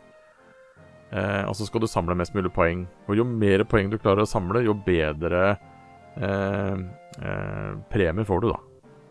Det gjør du. Så det er et minigame som har betydning. Du kan også eh, drive med sånn eh, håndbak. Eller du kan kaste basketball oppi korv. Eh, Kjøre snowboard, vet jeg. Kjøre snowboard, uh, ubåtspill, motorsykkelspill. Det motorsykkelspillet det er også en kve sekvens litt helt i, tidlig i spillet. Vi trenger ikke gå i detalj der, men Når du rømmer fra, fra Shinra Tower, så må du kjøre motorsykkel. er det samme sekvensen spillet om igjen der, eller er den litt annerledes? Det er mye av det samme. Det er samme gata og samme motorsykkelen og sånt, så det er minigame av, det, av der du har vært, Ja. for å si det rett ut. og det samme med ubåtsekvensen også, så er det akkurat det samme greiene. Da skal du skyte ubåter, men i spillet så er det jo eh, Skal du bare kjøre rundt og så finne ting, da. Du skal jo ned på havets bunn i det spillet her også. Så du får en ubåt. Du får en ubåt òg. I partyet nå så er vi jo vel eh, Tifa, Aeris, Cloud, Barrett og han Red. Red. Tortilla. Eh, men på Gold Saucer så møter du en som heter eh, eh, Her er Kate Sith, heter han. Han er en hvit, svær eh, bamse med en katt oppå som styrer han. Eh, jeg har aldri skjønt betydning av den karakteren. Jeg, jeg leste litt på det. Den karakteren Det er egentlig sånn han uh, agent for Shindra eller noe sånt. Han var vel, ja. Ja. Så for det Du får vel inn Du tror at det er han som driver og sladrer her til hvor de er hen hele tida. Men han er Det er ikke han, men det kan godt hende at han er planta inn noe som de kan spore den. Det kan være. Men eh, det er vel den karakteren har brukt minst i hele Final Fantasy-spillet. Karakteren er det, men den blir ikke brukt. Nei, helt riktig. Og det er jo det som er så fint med Final Fantasy, for du, du kan jo velge Du har ikke mer enn tre karakterer hver gang. Eh, og ofte kan du velge hvilke tre karakterer du skal være. Du må være Claude, selvfølgelig, så lenge han er der. Eh, men så kan du velge eh, om du skal ha Tifa og Eris for eksempel med det, eller Barrett og Tifa, eller eh, Ja. Red, ja. Det er jo for å bygge de opp og sånn eh, i de stille periodene da, som ikke det er noe progress, f.eks. Så um, da kan du jo løpe rundt og gjøre mye, mye moro. Så når du har vært i eh, The Cold Sorcerer, så eh, Hvor vi går videre enn da? For nå begynner jeg å havne i området i spillet som ikke har spilt sjøl, så derfor Jeg vet Ja. ikke så mye, så du må hjelpe meg litt nå. Nei, altså, det en eh, Det skjer jo Altså, nå er det lenge siden siste gjennomgang av spillet. Fullstendig gjennomgang. Eh, hva som eksakt skjer, husker jeg ikke. Det er noe som skjer på Ghost Det er noen uh, Jeg mener det er The Turks som kommer. Uh, det blir jo mye fram og tilbake igjen, og hvor du finner ut hvor Sefirot er og sånt. Du skal jo fortsatt jakte etter han.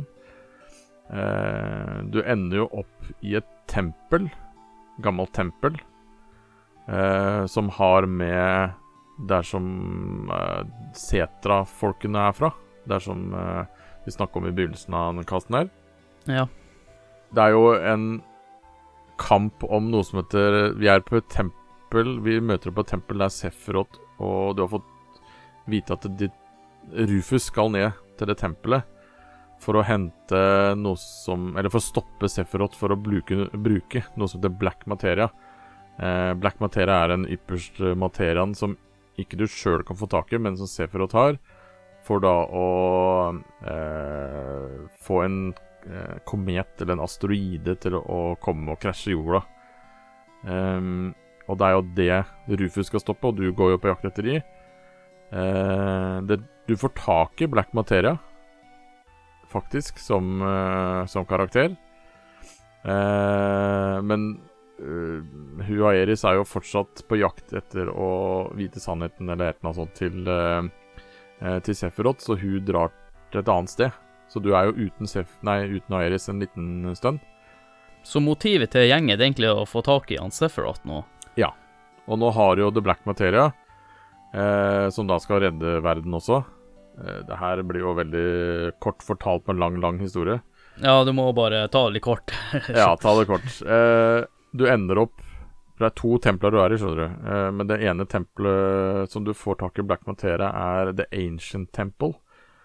Uh, men så er du i et annet temple, i The Promised Land, mener jeg. Der. Og der uh, møter du Aeris igjen, og du blir knocka ut av et eller annet som skjer. Så Claude Strife, altså. Og så løper du inn eh, til et alter der Aeris sitter og ber. Og du går mot henne og møter Sefrot, og Sefrot da eh, prøver å få deg til å bruke den svarte materiaen, eller black materia, til å eh, ta livet av Aeris. Men eh, Claude klarer å, klarer å holde eh, igjen. Men Sefrot eh, ser jo ikke noe annen utvei enn at han eh, dreper Aeris rett foran trynet til Claude. Eh, og da er jo den en sånn minneverdig sekvens som idet hun faller over, så løsner det noe fra håret hennes, som da kalles for white materia. Og det er jo ikke noe du får brukt i spillet som en materia generelt, Nei. men det er en holy materia, som er av kun da de setra-folka som har, da. Eh, og den her materiaen spretter jo da av gårde og detter i vannet. Eh, og den skjønner du Man får skjønner på slutten av spillet hvor stor betydning det som skjedde akkurat da, hadde. Eh, Airis dør jo. Sefrod stikker av gårde med black materia. Men vi må, må kanskje si at den scenen gir jo veldig sånn eh, store inntrykk, da. Det er jo Den Det er var, Det var ikke jo normalt å ha, ha en sånn scene i et sånt spill på den tida. Det er vel det første spillet jeg har vært borti som en sånn karakter, hovedkarakter, døde. Eh, og jeg som 16-åring syns jo det var helt jævlig. Kompisen min og meg, vi satt jo og grein. Og man bruker jo også veldig mye som healer, for hun er veldig god healer i spillet. Hun hadde jo det, hun var god healer. Eh, men eh, det er den derre overgangen der fra noe liksom det, du, du får jo den derre hevnlysten. Altså, du, du, du har ikke lyst til å Selv om det her skjer i spillet, og det er trist, og det er sånt, så har du lyst til å bare Å, nå! Nå skal jeg vise eh, hva Nå, nå skal jeg kjøre i gang. Det her skal, det her skal hevnes. Nå skal det hevne. Ja, for Eiris, man får jo sånn inntrykk av at hun er jo den ja, veldig snille, og Ja. hun som er, jeg holdt på å si, snillheten sjøl. Og så tar han livet av det mest pure som, eh, som, Som er i spillet. Ja. Yes, og, det, og fortsatt så vet jo ikke Claude hva Aeris er. Nei. Han vet ikke hvorfor hun ble drept, og hva, hva som skjer og sånne ting. Han er jo Han, han skjønner ikke. Eh, og det gjør vel egentlig ingen andre heller, hva som egentlig skjer der. Nei, for det er jo en twist også med han. Det er jo en twist. Eh, og det eh, Progresjonen fra spillet der Det som er kult, er at det, det er jo CD Altså det er tre CD-er Final Fantasy kom ut på. Ja. Når det skjer, når hun blir begravlagt, og du kommer eh, da Når du skal begynne å gå videre, så starter CD2. Og da er du oppe i en snø Oppe i snøfjellene og er på vei til eh, et krater, da. Det er jo det som For det er der Sefrot er på vei. Eh, opp i det krateret. ja.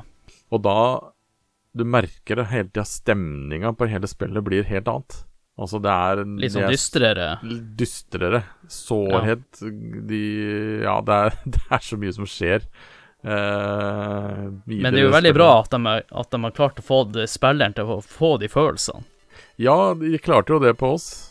En 16-åring. Altså, det gjør jo veldig inntrykk. Det gjør jo det. Uh, Jeg jeg si, du var jo kanskje i den perfekte alderen for å spille det spillet. Ja, jeg var jo det. Rundt sånn Eh, 14-16, tenker jeg. jo. Du skjønte jo mye mer at hvis en 11-12-åring skulle spilt det ja. de, hadde, de hadde kanskje ikke fått samme inntrykket, eller aldri kommet dit, egentlig. For det er jo veldig mye tekst. Det er jo tekstbasert spill. Jeg lurer på hva som hadde skjedd hvis det episoden med Aeris ikke hadde vært til stede. Altså hva, hva som hadde, hvordan progresjonen hadde spillet hatt. ja. For det Jeg husker så godt at vi Du, du føler at du kanskje er litt nesten i mål der, Ja, man tror jo det. Helt, altså, CD1 er kanskje den lengste av de CD-ene som er også. Mest story, da, eller lengst story, for de andre CD-ene går jo veldig mye ut på å, å suse mye rundt sjøl, og eh, sånn som de sjokobo-farmene vi snakka om i stad, der er det Der kan du jo breede de. Altså, du kan jo få sjok- sjokoboer eh, i forskjellige farver som har forskjellige ytelser, da, eller kan gjøre forskjellige ting. Og så må du race med de oppi gold saucer for å da få de til å bli bedre. Ja. Eh, til slutt Men så må eh, du jeg tenker at du, før vi går over til tvisten da med han Cloud, så kan jo Det er jo noen flere karakterer du også får med i partyet ditt etter hvert. Ja, eh, du skal jo ned i en du, du skal jo prøve å finne ut hvem Hans Sefirot er. Eh, så du kommer ned i et eh, Jeg tror det er Hojos bibliotek eller et eller annet sånt. Så det er, det er mye bøker her, i hvert fall. Og der møter du jo en som heter Vincent. Eh, og Vincent er jo en karakter som du får Du får inntrykk av at han er vampyr. Eh, han ser jo ut som en vampyr. Eh, kort fortalt så har jo han Han har jo faktisk et eget spill. Men det, det tenkte jeg skulle nevne helt til slutt. Det nevnte til slutt. Vi kan heller ta Altså, vi kan nevne spillet til slutt, men han er en person som er eh, Som var erklært død, som har blitt gjenopplivet. Og han er ganske god å ha med i party. Det er han. Han er vel en option som du trenger ikke å ha med. Det er ikke en karakter du må ha med videre. Men han har uh, hjulpet ganske greit, i hvert fall når du kommer eh, lenger ut i spillet. Eh, du møter jo også en annen karakter som heter Juffy. Ja. Eh, og hun er helt tilfeldig du møter, for hun, når du går rundt i en verden ikke så langt unna et sted som heter Wutai, så er det jo Du møter jo Du, er, du kriger jo sikkert tusen ganger som du kommer inn i en random battle. Men uh, jeg tenkte Jeg kan jo ikke så mye å spille, men jeg må jo bare skyte inn når det først har noe å si. Hun er jo sånn der materiejeger, er det ikke det? Materiejeger, helt riktig. Det er derfor hun møter deg i kamp, for hun er jo på jakt, du. Eh, hun skal jo stjele av deg også. Det er jo det som er Ja. litt av poenget, så du må jo faktisk fighte. Eh, og nå husker jeg ikke hvordan du For det er Jeg husker første gang jeg møtte henne, så stakk hun. Så jeg møtte henne seinere ved en seinere anledning, og da fikk jeg tak i henne. Så du må jobbe litt for å trigge den sekvensen. Jobb, jobbe litt. Grann. Hun kan stikke. Det er ikke nødvendig Jo, men jeg tenker på at uh, du er nødt til å bruke litt tid på å finne ut hvor hun er. nå. Ja. Eller eh, dukker hun bare tilfeldig opp i hvor som liksom- helst. Ja, ikke, jeg tror ikke det er hvor som helst, men det er eh, det, Hun dukka opp random på en egen øy, mener jeg. Eh, men det er jo progresjon i spillet som gjør at du ender der, og da mener hun Hun dukka opp utafor en av de byene som hun har tilknytning til. da Det var derfor Ok. der jeg fant da, men jeg tror du kan finne andre steder også. Ja. Så nå prøver jeg bare å tenke litt. eh, Du skal jo opp til Cosmo Canyon også, fordi at han Lærer Lære litt om historie. Ja, ja rett og slett. Du fører jo han eh, Red 13 hjem. Det er jo det du skal, og han takker jo for det, og faren hans takker, eller bestefaren og, og sånne ting. Og du får en liten leksjon der på hvordan eh, skapelsen av universet er og sånne ting. Eh, men det er jo et sted som man føler seg egentlig bare hjemme. Altså Man drar dit for å eh, slappe av. Det er, det er ikke sånn Det er jo et viktig sted seinere tidspunkt i spillet. Men eh, i starten så får du bare en liten lærdom om hva hvem, hvem er hvem, og det nevner jo Setra og, og Genova og sånne ting, da. Jeg bare husker han Ralf spilte inn sekvensen, og den ja, musikken der, det har jeg brukt Ja. ofte som vekkerklokke. Oh, ja. Det er litt sånn rolig og avslappende, men eh, ja. Den er fin. Si, ja, nei, siden jeg ikke har spilt spillet, så kan det godt hende at jeg sier ting i feil rekkefølge nå. Men uh, du blir kjent med den virkelige historien til han Cloud, hvem han, hvem han egentlig er Ja, altså det er jo Ute i spillet så detter jo Claude ned i en uh, i, I det som kalles for livestream. Altså den grønne gugga. Eh, han blir jo borte i lang tid. Eh, men som er jo inne på en øy som er ganske sørøst på kartet, da. av Men du spiller da uten han Cloud en stund, da? Du spiller uten Clown en stund. Du møter han på et rehabiliteringshjem. Som er ganske spesielt. Han sitter jo da i rullestol og er helt grønnsak. Ja. Så Tifat skal jo ta hånd om han her, da, men han begynner jo da å eh, få minner tilbake eh, til eh, For når du har spilt spillet, så ser du mange sekvenser som Claude står ved siden av Sefirot, f.eks. Er liksom høyre um, armen til Sefirot når han er i Soldier og, og sånne ting. Men så kommer jo de eh, tilbakeblikkene, så viser det seg at eh, Claude er jo egentlig bare en vanlig soldat. Han er ikke en supersoldat. Han tenker, eller han ser seg sjøl i en annen han ser seg sjøl som en som heter Zack. Eh, og Zack er jo kompis av Claude. Så han har jo tydeligvis bare klikka for Claude egentlig i starten av spillet. Altså Når vi blir kjent med Claude, så er jo ikke han seg sjøl. Han, han er jo mental ustabil. Ja, og tenker bare på seg sjøl og de pengene. Ja, og det Og linken mellom han og Zack er jo at de har jo jobba sammen i Soldier, og Zack var jo kjæresten da Eris. Men det visste ikke Claude. Det er jo det som er litt morsomt. For eh, sånn som med, med, mellom Zack og Eris, så var jo de kjærester, og så stakk eh, Zack av gårde til å bli Soldier, og han kom aldri tilbake igjen. Ja. Og de, han, de møtte også på akkurat samme sted som Claude gjorde. ja, så han, le han lever seg igjen i egentlig sexy historie. Rett og slett. Så, og det er jo en ganske kul twist på hele spillet også, når man tror man har vært uh, den uh, ene hele tida. Så Så er du ikke så spesiell likevel. nei. så det, det er bare liksom Du var bare den der soldaten som hele tida måtte gjøre som de andre sa, og ikke hadde noen spesiell jobb, bare var livvakt, rett og slett. Men jeg må nesten Det er Ikke meningen å være frekk eller noe sånt, men eh, eh, hvor mye har vi igjen av spillet? Jeg tenker at eh, vi må vel kanskje prøve å eh, begynne å avvikle litt etter hvert. Ja. Altså, det er, jo, det er jo veldig mye som skjer eh, fram og tilbake med historien, men du skal jo Hvis jeg skal gå og summere ganske kjapt, da.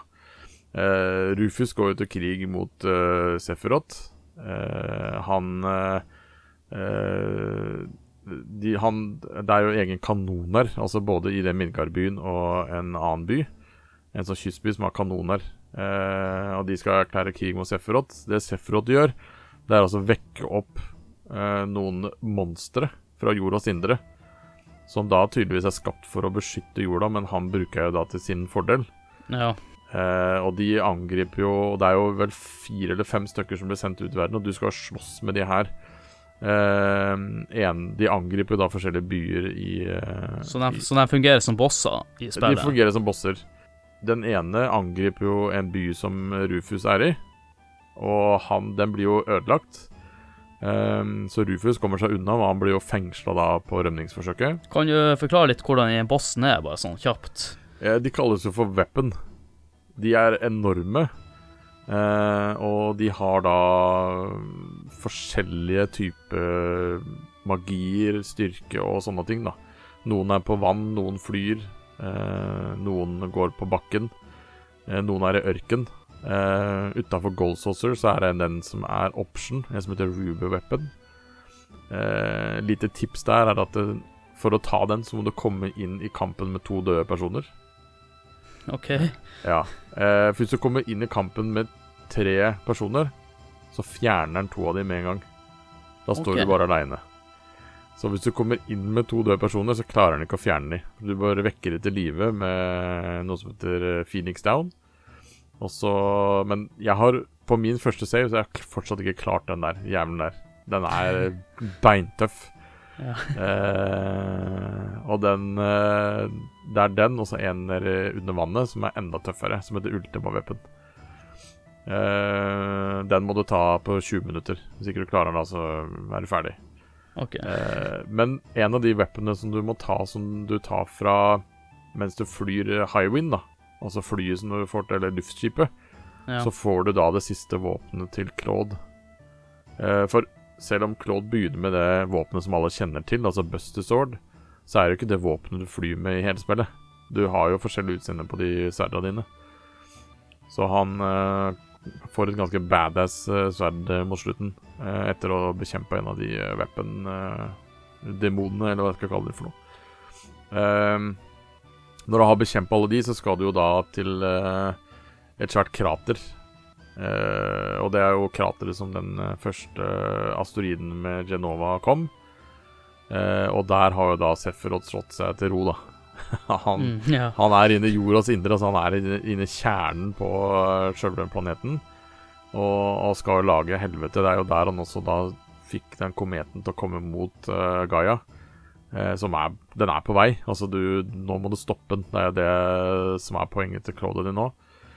Eh, du møter jo da du Sefrot da i bånden av det krateret her, og ender opp da med å slåss med han som er da sluttsekvensen i spillet. Eh, og der er det jo selvfølgelig en eh, ganske rå fight, eh, for Sefirot endrer seg jo. ja, og ganske rå musikk i det. Ganske rå musikk. One Winged Angel heter jo da den låta her. Eh, og det er jo fordi at Sefirot går jo da for å være den som ser ut som en helt vanlig person, til å være en skapning med en svær englevinge og eh, en arm som er ganske kraftig, som eh, skader deg ganske mye. Det går jo igjen i Final Fantasy-spill også at siste bossen eh, blir en svært monster, et eller annet. Ja, da blir det et svært monster, og du slåss i Helt på slutten av spillet så slåss du først mot den siste fasen av Genova. eh, som er det da den, den Det du har møtt tidligere i spillet av Genova, er bare en del av Genova, men nå så ser du den ordentlige formen. Eh, så slåss du mot den først, og så slåss du mot en krysning mellom da Altså, det er en eh, Hva er det for noe, egentlig? Eh, skulle tro det var en guardian. Altså, det er en svær person som har eh, noe stæsj på magen som eh, du ikke må slå på, i hvert fall. Ja. Eh, for da bryter helvete løs. Så sluttkampen er tre faser. da Det er tre bosser. Og Sefirot er da den siste. Eh, eller One Winged Angel, som jeg kaller han da.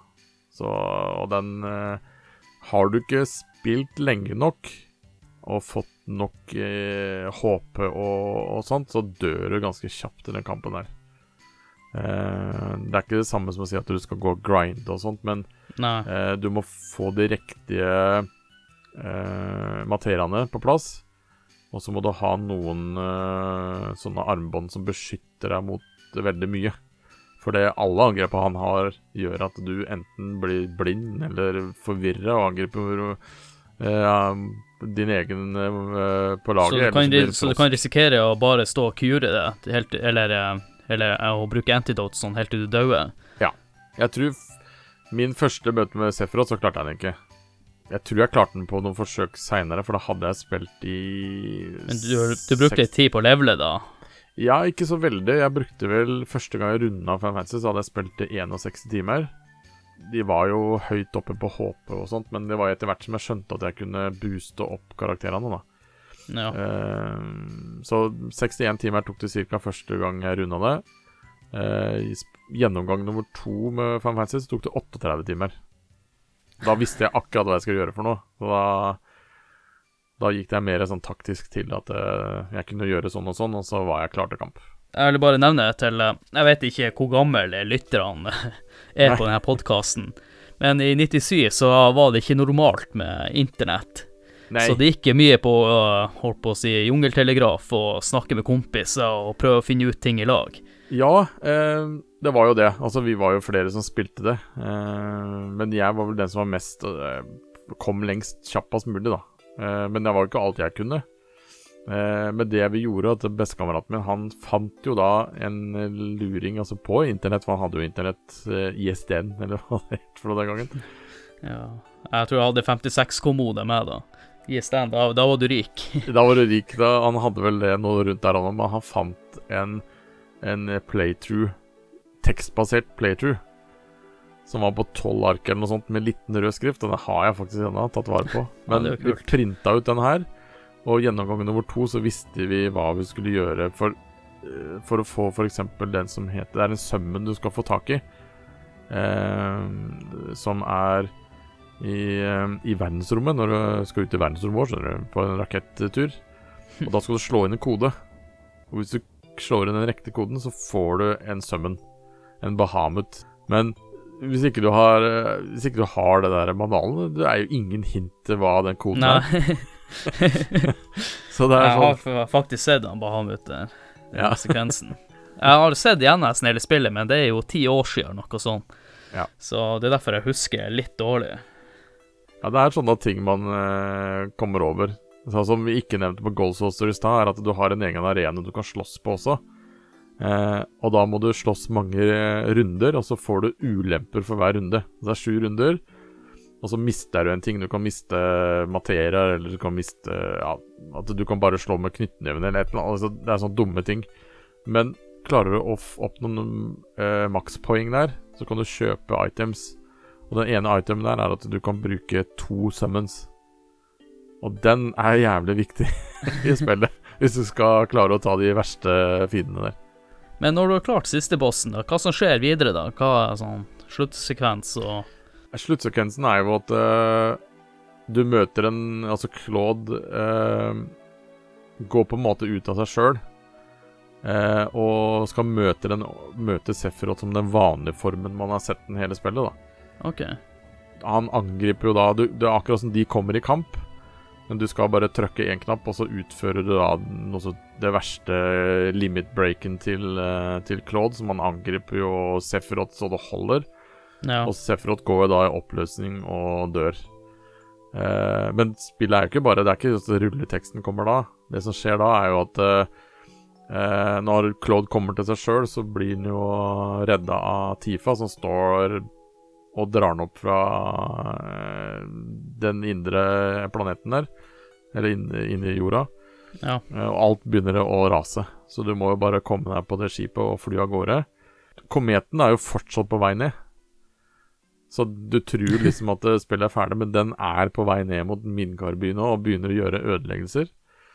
Uh, og jeg trodde jo første gang jeg spilte at å, fuck, nå, nå er vi ferdig. Ja. Men så kommer en veldig lystig melodi, og så ser jeg det begynner å komme ting opp fra bakken. Eh, grønne, sånne fine stråler. Det her begynner å samle seg i store mengder rundt Midgard, eh, som da eh, begynner også å gå rundt den denne kometen, som da utrolig nok går kjempesakte. Den burde jo knust Mm. den planeten for lenge siden. Men det her er jo da som det, det som kalles for livestream. Det ødelegger da den eh, kometen og redder av jorda.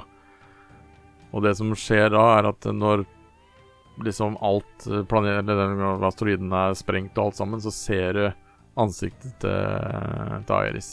Man skjønner at ah, det er hun som eh, Nå skjønte du hvorfor hun eh, ba på rett før hun ble drept. Så det var det eneste hun egentlig skulle. Det, det var missionet okay. hennes. Så hun klarte egentlig missionet sitt. Hun ofra seg sjøl for mission. Ja, vi nevnte alle karakterer, men jeg kom jo på at eh, vi nevnte jo bare navnet Sid Ja. i stad. Det blir egentlig feil å snakke om det nå, men uh, kan jeg bare nevne hans rolle. Det er jo sånn klassisk når man tar, eh, tar opp podkast, så glemmer man Ja, ja. fort av ting mens man sitter her og prater. Sid er jo en av de. Sid er jo den personen du møter i en, uh, i en by som uh, driver med rakettoppskyting. Um, det er jo han som da også har Hywind-flyet, altså luftskipet. Ja. Han er jo en sånn uh, mekaniker, eller hva jeg skal kalle det for noe. Med også en tragisk bakgrunn. Mista Som kona si. alle har. Ja. Mista kona si, er aleine og sånt, men han blir jo med på laget til, til Claude. Og han er jo en av de personene jeg bruker mest i spillet, faktisk.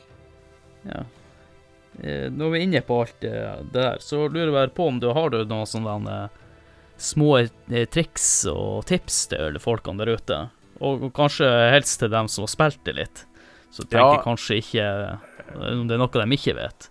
Altså, det er jo ikke sånn Det er ikke sånn supermange hemmeligheter. Det er jo det med å, å få de sjokoboene til å Når du skal breede de, da, eh, så skal du få Du får eh, sjokobo i forskjellige farger som kan gjøre forskjellige ting. En løper på vann, en løper over fjell og sånt. Men til slutt så kan du få det som heter gold sjokobo.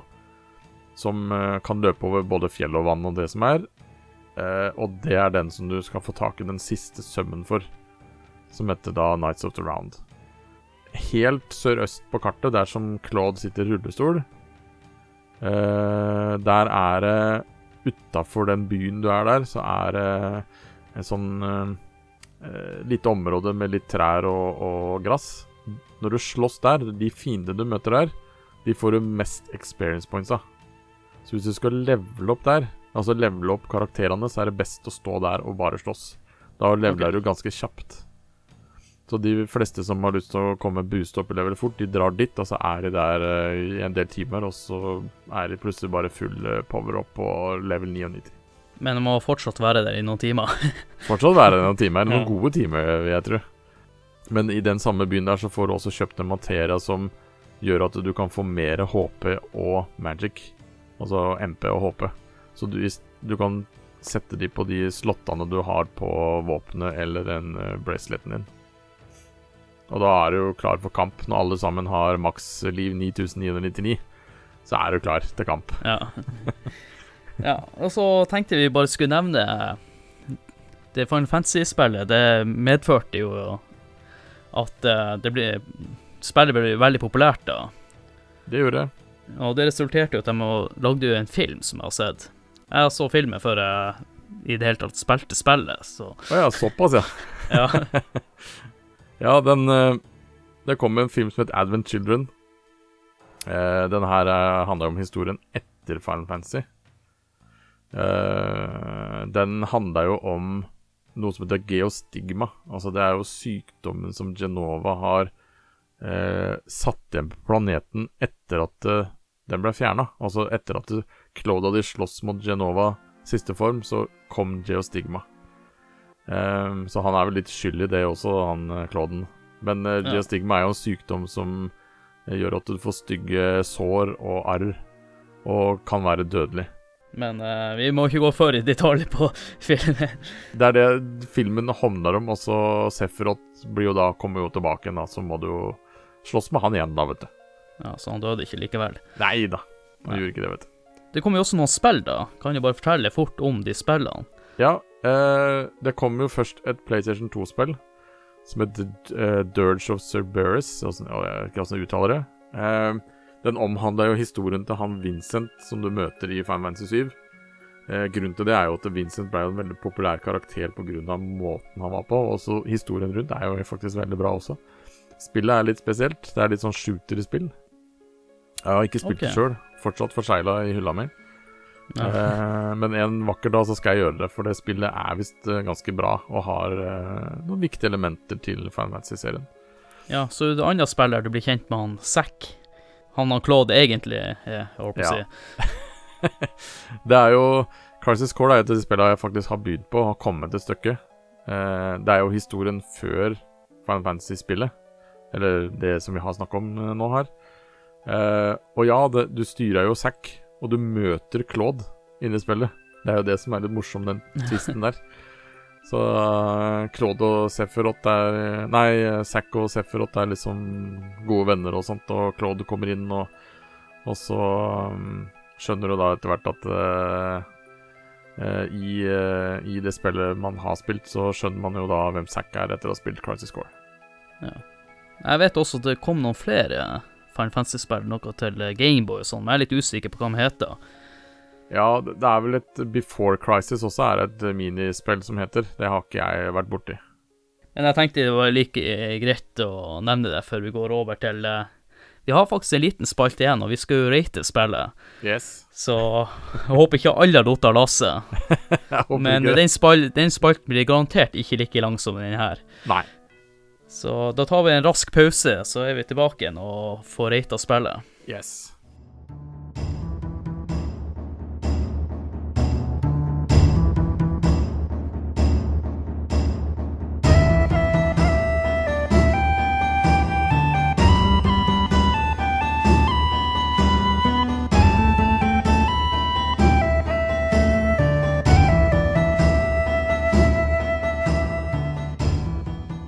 Da er det på tide å, å gjøre en rating her, så håper det er noen lyttere igjen. Ja. Vi burde jo kanskje, eller egentlig så burde vi snakka mye mer om spillet. Og så skulle vi ha hatt eh, Snakka om alle teoriene og, og sånn i spillet her, så tror jeg vi kunne holdt på i hvert fall sånn 10-12 timer til. Eh, ellers så måtte vi delt opp i mange episoder.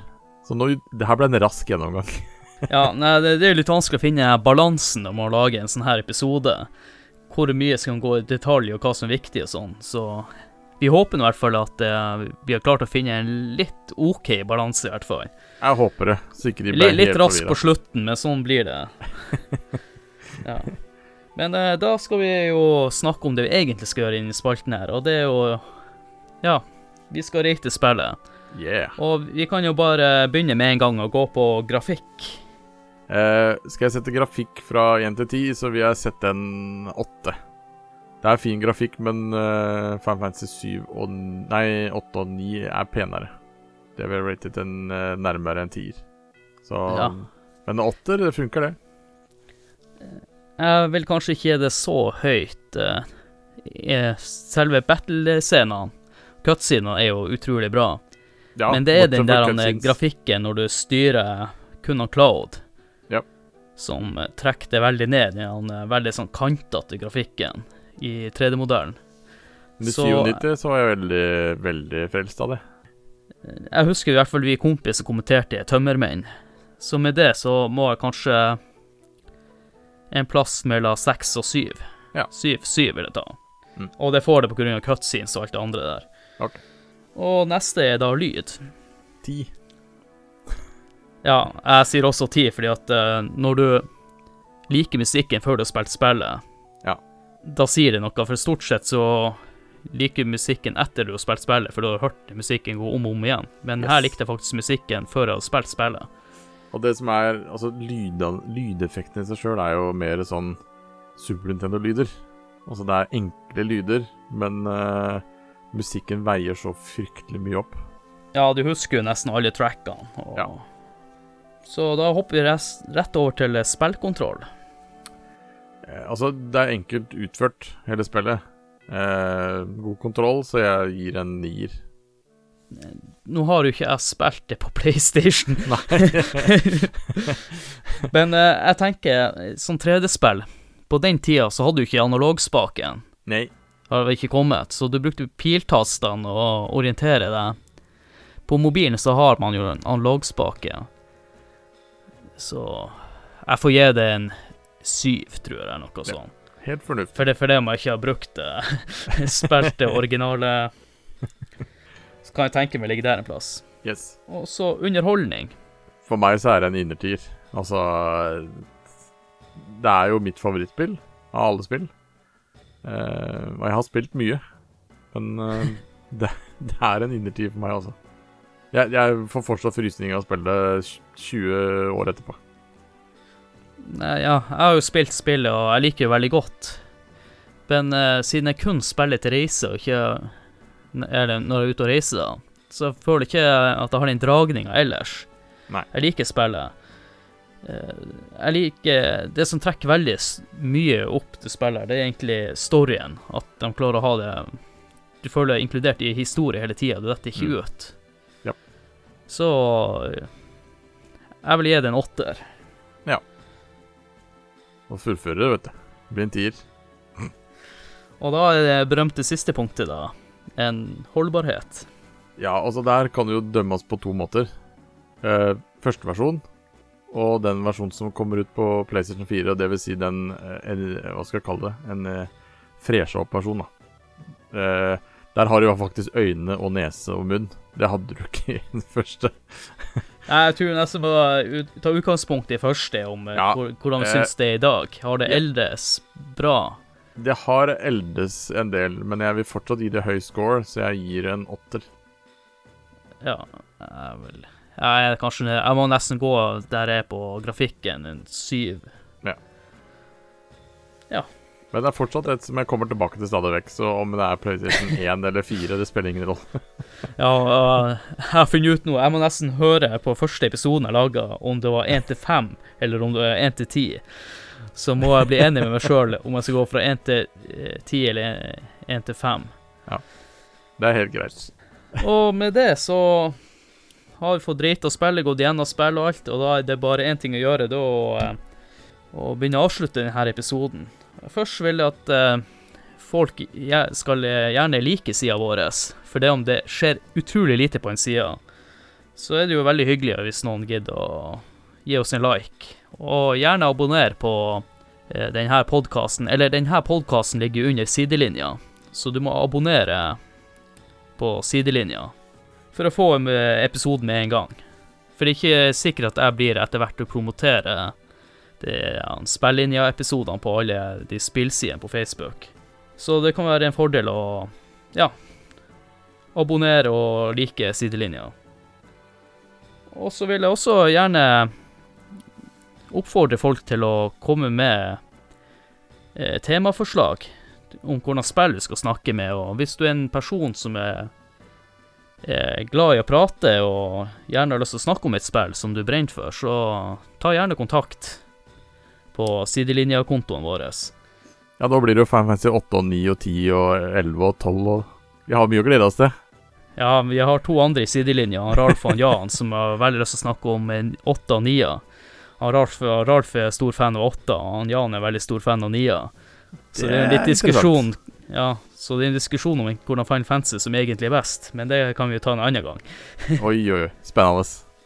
Så da tror jeg alt var nevnt, og kanskje mye glemt, men Noe nostalgi ble det i hvert fall blitt. Forhåpentligvis. Så da er det bare Det som gjenstår nå, det er å takke for oss. Så da må Yes. si ja, ha det. Ha det. Ha det